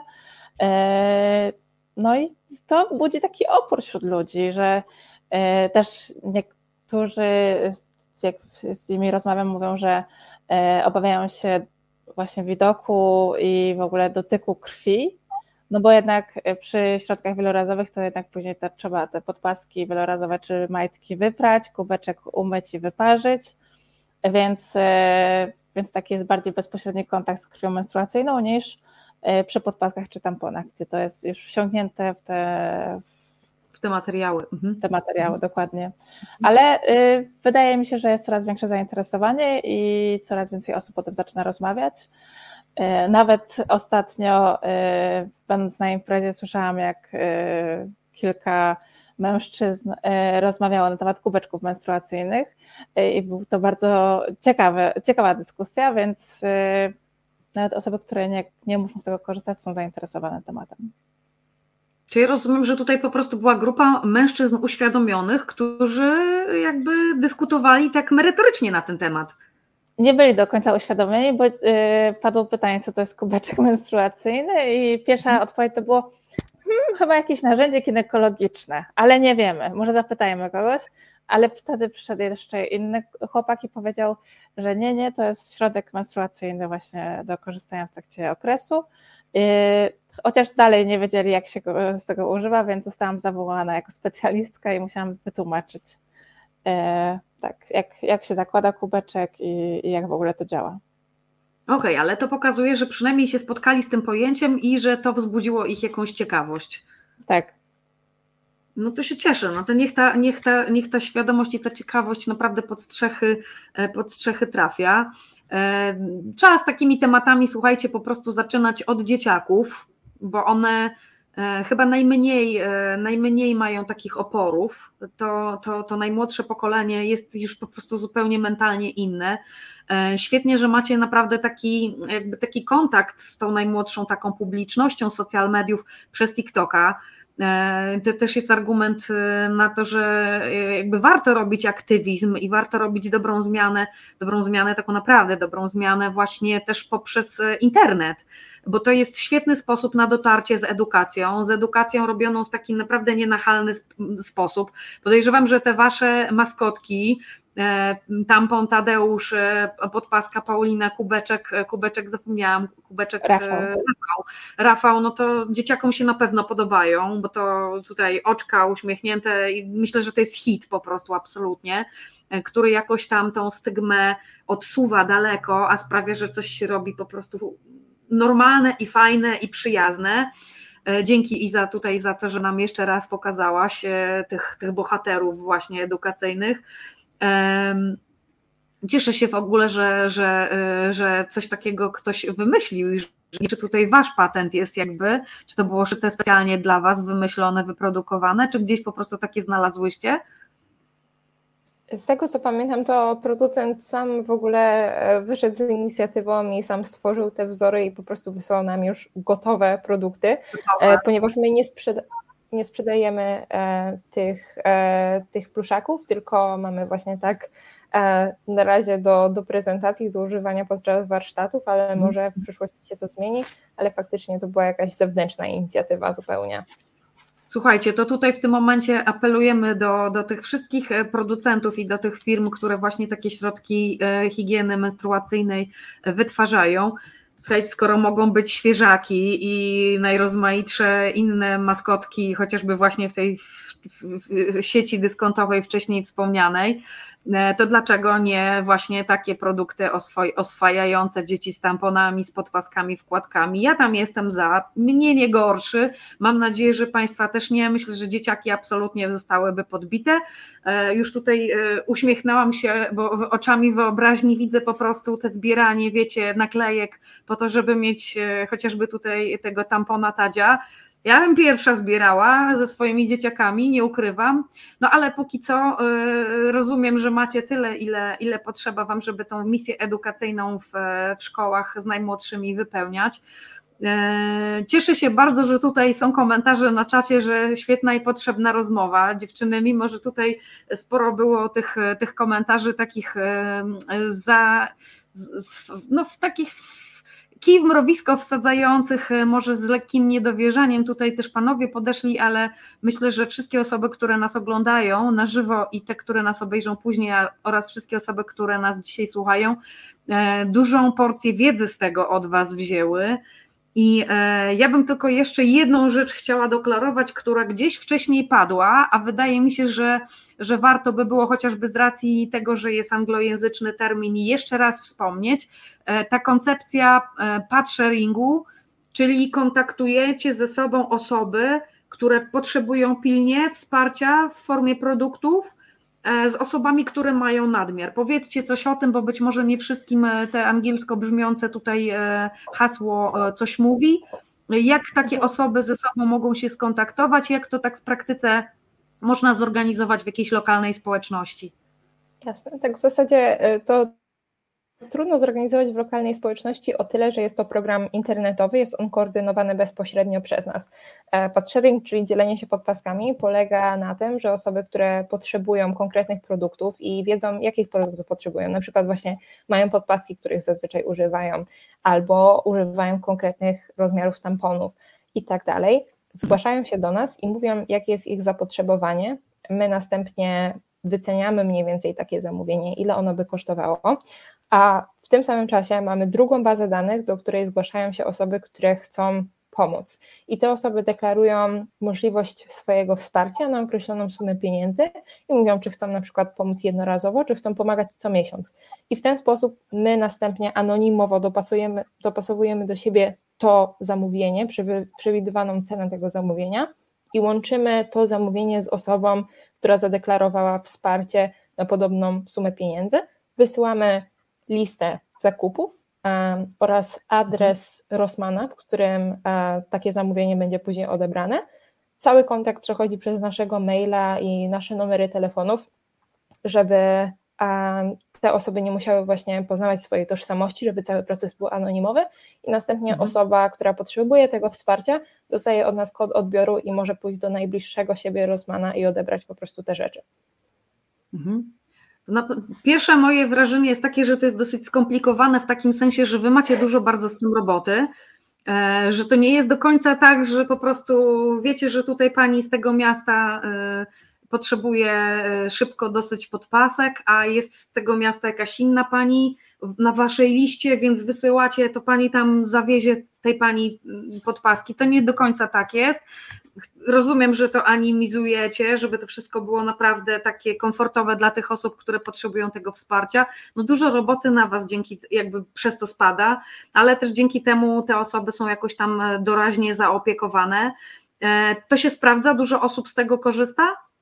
E, tak, właśnie specjalnie sprawdziłam. E, do zeszłego miesiąca, od samego początku uruchomienia programu z w Padsharingu wsparcie otrzymało 2,6 tysiąca osób. Um, I niektóre te osoby korzystają ze wsparcia regularnie, na przykład co miesiąc, a niektóre osoby mhm. jednorazowo, więc e, tych zamówień jest bardzo dużo um, i one często się zbierają. Um, I faktycznie widzimy tutaj wielką zaletą tego programu jest to, że często osoby przychodzą do nas i chcą wesprzeć jakieś konkretne osoby, chcą wiedzieć, komu pomagają. I tutaj właśnie pierwszą barierą jest to, że większość osób chce być anonimowych, mm, ale samo przekazanie na przykład darowizny nie jest wystarczająco takie e, takim wystarczającym działaniem dla wielu osób, które chcą nas wspierać i ten program pozwala na to, żeby osoba, która wysyła te pieniądze, właśnie zamawiając coś w Rosmanie, widziała, co faktycznie jest kupowane i do jakiego miejsca to idzie i to też po prostu wielu osobom daje dużą satysfakcję z działania z nami. Mhm. Tak sobie właśnie pomyślałam, słuchając Ciebie, Paulina, że to czasami chodzi o to, żeby te osoby, które pomagają, właśnie czuły, że to idzie dla jakiejś konkretnej osoby, tak? To zadziałało chociażby w takim dużym, w takiej dużej skali teraz, kiedy mamy ten kryzys uchodźczy, wiadomo, że Polacy i tak są dobrzy w tym przelewaniu pieniędzy na różne szczytne cele. My naprawdę potrafimy w zbiórki, potrafimy się jakoś zmobilizować. Wielka Orkiestra to udowadnia. No wszystkie te zrzutki na zrzutkach najrozmaitszych tych e, portalach to udowadniają. Natomiast jest taka grupa osób, która po prostu potrzebuje tego, żeby to miało, no może niekoniecznie twarz w tym, w tym momencie, bo to są anonimowe osoby, ale żeby wiedziały, że pomagają jakiejś konkretnej rodzinie, żeby to jakiś taki, nie wiem, emocjonalny, inny ładunek dla nich miało niż taka anonimowa wpłata. To jest absolutnie naj, najbardziej zrozumiałe, też takie psychologicznie. Ja e, też myślę, że to jest mega skuteczne, bo e, to też sprawia, że jakoś się bardziej angażujemy chyba, co? Tak że jakoś jak czujemy, że jest taka osoba czy rodzina, której trzeba akurat tutaj na tym polu pomóc, no to jakoś tak mam, mam wrażenie, może ja to oczywiście jakoś tylko nadinterpretowuję, że taka trochę, nie wiem jak to nawet nazwać, nie że lojalność, ale takie poczucie odpowiedzialności, że jak komuś pomagam, to pomagam, taka, wiecie, ta reguła konsekwencji, że trochę psychologiczna działa, Eee, I to na dobre wychodzi tak naprawdę, bo dzięki temu ta współpraca i ta wymiana kwitnie. Zdecydowanie tak. Właśnie czujemy to. Dużo osób, które e, koniec końców otrzymują zamówienia, bardzo chce, żebyśmy na przykład przekazywały na drugą stronę informacje z podziękowaniami, albo osoby nawet e, kiedy już jakby wiedzą, że, że ich zamówienie dotarło do osób potrzebujących, też się pytają, czy na pewno dotarło, upewniają się, więc na pewno jest w tym dużo po prostu empatii i takiej chęci do, do niesienia dobra i dla nas to jest zawsze bardzo miłe, kiedy możemy działać z takimi osobami i cały czas się znajdują kolejne, które chcą wspierać takie projekty. Słuchajcie, to ja mam do Was jeszcze dziewczyny takie pytanie, bo e, co prawda planowałam zrobić strajkówkę na koniec, ale widzę, że zostało nam jeszcze kilka minut. Jeżeli miałybyście w sobie tą gotowość i chęć, żeby te ostatnie kilka minut e, z nami jeszcze pobyć, e, to byłabym naprawdę bardzo Wam wdzięczna, bo przyszło mi do głowy, że może warto jeszcze, żeby wybrzmiało to, co mnie też jak rozmawiałam z Wami przed programem, zszokowało, ile jest potrzeba pieniędzy, jak już jesteśmy przy tych zrzutkach, przy tym e, fundowaniu komuś komfortu w czasie okresu, ile potrzeba pieniędzy, żeby w takiej jednej podstawowej, e, jakiejś jednej polskiej szkole, nie mówię o jakichś dużych zespołach rozbudowanych, ale w takiej jednej podstawowej jakiejś jednostce, żeby zapewnić na rok dzieciakom po prostu właśnie to bezpieczeństwo takie menstruacyjne i ten komfort, E, i, i taką sytuację, że ta skrzyneczka jest zawsze pełna. Czy to są jakieś Jasne, astronomiczne... Tak Według, według mnie nie. Według mnie, biorąc pod uwagę, że, że kwota, którą za chwilę podam, jest wsparciem, które gdzieś już pokrywa i koszty całej logistyki, czyli wysyłania wszystkiego do danej szkoły, właśnie pudełek, ale też wszystkich środków zapasu rocznego. My oczywiście też jesteśmy zawsze gotowi na to, że one się mogą szybciej skończyć i wtedy wysyłamy dodatkową paczkę, ale ostatnio właśnie mm, liczyliśmy z Norbertem, naszym specjalistą od logistyki, e, ile by kosztowało dołączenie kolejnej szkoły do programu w tej edycji. E, wiadomo, tutaj w zależności od tego, jakie na przykład przyjmie się firmy, jakie e, konkretne rodzaje produktów, to też cena się będzie zmieniać, ale my wyliczyliśmy, że dla takiej szkoły z około 250-300 mm, uczennic e, to jest około 350 zł rocznie. Więc, więc tak naprawdę złotówka na uczennicę, bo wiadomo, że czasami zdarza się tak, że niektórzy nie będą brać w ogóle, niektórzy będą brać więcej. I mhm. biorąc pod uwagę właśnie wszystkie informacje i feedback, który dostaliśmy z poprzedniej edycji, działamy mniej więcej według takich standardów, że, że to 350 zł na szkołę. Zdarzają się mniejsze szkoły, zdarzają się o wiele większe, na przykład po prawie 1000 uczennic, więc to oczywiście też zależy, ale to jest około 350 zł. Czyli naprawdę nie jest to, proszę Państwa, kwota zaporowa. E, no i teraz proszę sobie pomyśleć, jeżeli Państwo mieliby na przykład e, w rodzinie chociażby, czy w jakimś zespole, jak pracujecie ze sobą razem, taką chęć, żeby jakąś konkretną szkołę wesprzeć, to czy można na przykład taką e, darowiznę dla Was celowo jakoś przekazać, że na przykład chcemy zapewnić tej szkole na rok czy na dwa lata te środki i to można przez Was zorganizować? Myślę, że muszę przyznać, że jeszcze nie rozmawialiśmy o tym pomyśle. Prawda kiedyś się nad tym mhm. zastanawialiśmy, zwłaszcza przy organizowaniu tegorocznej zbiórki i zaryzykuję powiedzenie, że tak, że, że można to zrobić, można się z nami skontaktować i umówić się właśnie na, na taki proces i e, myślę, że Norbert na pewno zrozumie podjętą tutaj e, spontanicznie decyzję, e, także, także zdecydowanie. Albo często też jest tak, że niektóre szkoły a właśnie wyrażają chęć zorganizowania czegoś samemu. I tutaj te szkoły, które się do nas zgłaszają, faktycznie nie mają tych środków pieniężnych, żeby coś zorganizować, ale jeśli jest jakaś szkoła, która lokalnie ma osoby, które chcą ją wspierać, to też nie trzeba tego załatwiać przez nas. My bardzo chętnie pomagamy merytorycznie, jak zorganizować akcję u siebie w szkole, ale wtedy na przykład, kiedy się korzysta tylko z naszego wsparcia merytorycznego, a nie środków przez nas wysyłanych, to na przykład ogranicza się koszty chociażby wysyłki paczek, które teraz są całkiem wysokie, więc, więc może to też jest jakieś rozwiązanie. To jest też rozwiązanie, myślę, ciekawe na przykład dla rad rodziców, które przecież mają wpływ na to, jak szkoła funkcjonuje, żeby się z Wami skontaktować, żebyście dały jakby ten cały, tą całą obudowę taką edukacyjną, ale żeby ktoś już dalej po prostu oszczędzając chociażby właśnie te koszty wysyłki i Waszą e, jakąś tam pracę też, e, już ogarnął temat lokalnie. Wiem, że gdzieś tam miejscami się tak dzieje, może się przymierzają, albo jakieś organizacje czasami się angażują w to, żeby gdzieś po prostu zapełniać te skrzyneczki. To jest dobre, bo to zawsze odciąża Was na tyle, że możecie przerzucić siły na jakiś taki odcinek kraju, gdzie jeszcze jest jakby sytuacja niezagospodarowana, prawda? No i może wywołałam tutaj temat, ale dlaczego o to pytam? Dlatego, że no właśnie jakby te wszystkie zbiórki, które teraz e, gdzieś tam w kraju są organizowane, pokazują, że ludzie lubią na konkretny cel, na konkretną szkołę.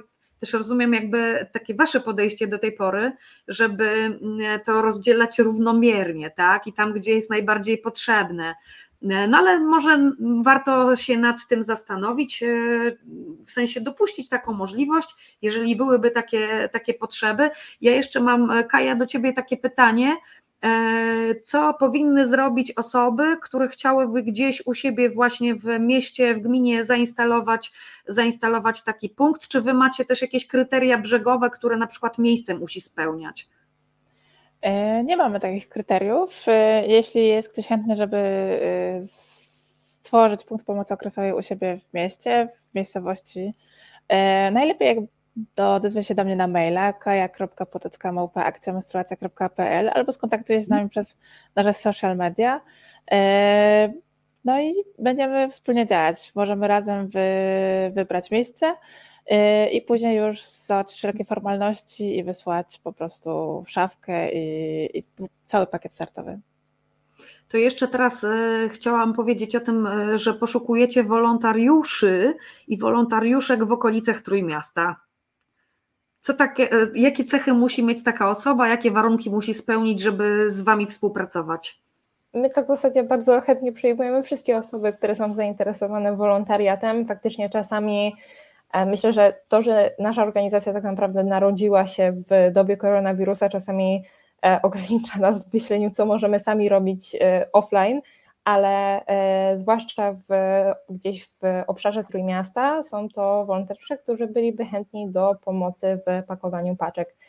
Ponieważ tych paczek jest całkiem sporo, ich jest najwięcej właśnie we wrześniu, kiedy wysyłamy do wszystkich szkół, ale tak w zasadzie mm, przynajmniej raz w tygodniu jesteśmy w naszym magazynie i wysyłamy paczki na przykład e, uzupełniające punkty pomocy okresowej, albo jeśli ktoś nas prosi spontanicznie o jakąś pomoc, na przykład w związku z właśnie kryzysem uchodźczym e, związanym z wojną w Ukrainie, więc tak w zasadzie jeśli ktoś jest chętny, żeby przyjść i popakować z nami paczki w bardzo dobrym towarzystwie, to, to serdecznie zapraszamy do kontaktu. I w takich sytuacjach po prostu Norbert, który właśnie odpowiada za nasz magazyn i całą logistykę, e, kontaktuje się z chętnymi osobami i zabiera je do naszego magazynu, e, który jest w Rumi koło Gdyni. Jeżeli ktoś z Państwa oglądających, słuchających miałby ochotę przyjść pomóc, tutaj nie trzeba mieć jakiejś giga wiedzy merytorycznej na temat środków higieny menstruacyjnej, y, ale trzeba mieć sprawne ręce i chęć pomocy. E, do pakowania jak najbardziej e, zapraszamy. No i też wiem, że poszukujecie osoby, która by koordynowała e, obsługę właśnie Waszych akcji w języku ukraińskim. Jeśli ktoś z Państwa chciałby pomóc, zna, zna język ukraiński i spełnia inne dodatkowe kryteria, to jest na socjalach, które tutaj macie podlinkowane w czacie, na socjalach akcji menstruacji jest ogłoszenie no cały czas jest potrzeba, żeby osobom uchodźczym e, z Ukrainy e, pomagać tutaj w Polsce. Jest potrzebna osoba do skoordynowania całej tej akcji. Jeżeli kogoś takiego znacie, kto byłby zainteresowany, język zna na tyle, żeby tutaj akcję menstruację wesprzeć, to jak najbardziej kontaktujcie się. Dziękuję Wam dziewczyny bardzo za ten czas i za Waszą taką otwartość i cierpliwość do tych naszych różnych trudnych pytań. Mam nadzieję, że każdy z tej audycji sobie dzisiaj wziął to, czego potrzebował. E, mam nadzieję, że te komentarze, które tutaj Państwo dawali, pytania w komentarzach, też sprawiły, że więcej wydobyliśmy wspólnie z gościń, niż ja bym to sama dzisiaj zrobiła. E, cieszę się, że miałyśmy okazję w zasadzie trochę, e, trochę te mity jakoś rozwiać. Mam nadzieję, że część z Państwa będzie otwarciej mówiła też o menstruacji, o okresie, E, i e, róbmy tą zmianę od swoich domów, zaczynając dziewczyny i wielki szacun naprawdę dla całego zespołu, przekażcie od nas wielki naprawdę szacun i podziękowania za to, co robicie. E, życzymy Wam samozaparcia i radości też w tym, co robicie. Mam nadzieję, że czujecie tą satysfakcję, że ta nie wiem, to, ta radość, która od ludzi wraca, ta wdzięczność, która do Was wraca, Wam naprawdę wynagradza te wszystkie jakieś niefajne rzeczy, które się czasami zdarzają w każdej organizacji. Tak, zdecydowanie. Ja muszę przyznać, że na przykład dla mnie zawsze praca z osobami koordynującymi akcję szkolną, e, są to zazwyczaj nauczycielki, e, one mają w sobie tyle chęci do działania i tyle dobrej energii i zawsze tak bardzo doceniają to, co robimy tak w zasadzie wspólnie i one wykonują w tym bardzo dużo pracy, więc widzieć, że dużo osób chce się dołączać do tego, to jest bardzo satysfakcjonujące. Zgadzam się z Pauliną. Krótko i na temat. Słuchajcie, dziękuję Wam bardzo raz jeszcze. E, państwu, którzy nas oglądali, słuchali e, i gościniom życzę spokojnej nocy. Pomagajmy sobie wzajemnie i zróbmy tak, żeby to e, ubóstwo menstruacyjne w Polsce przestało po prostu kiedyś istnieć. Dzięki raz jeszcze i do zobaczenia. Mam nadzieję, do usłyszenia za niedługo. Wielkie dzięki. I jeszcze raz dziękujemy za zaproszenie. Dzięki, dzięki bardzo.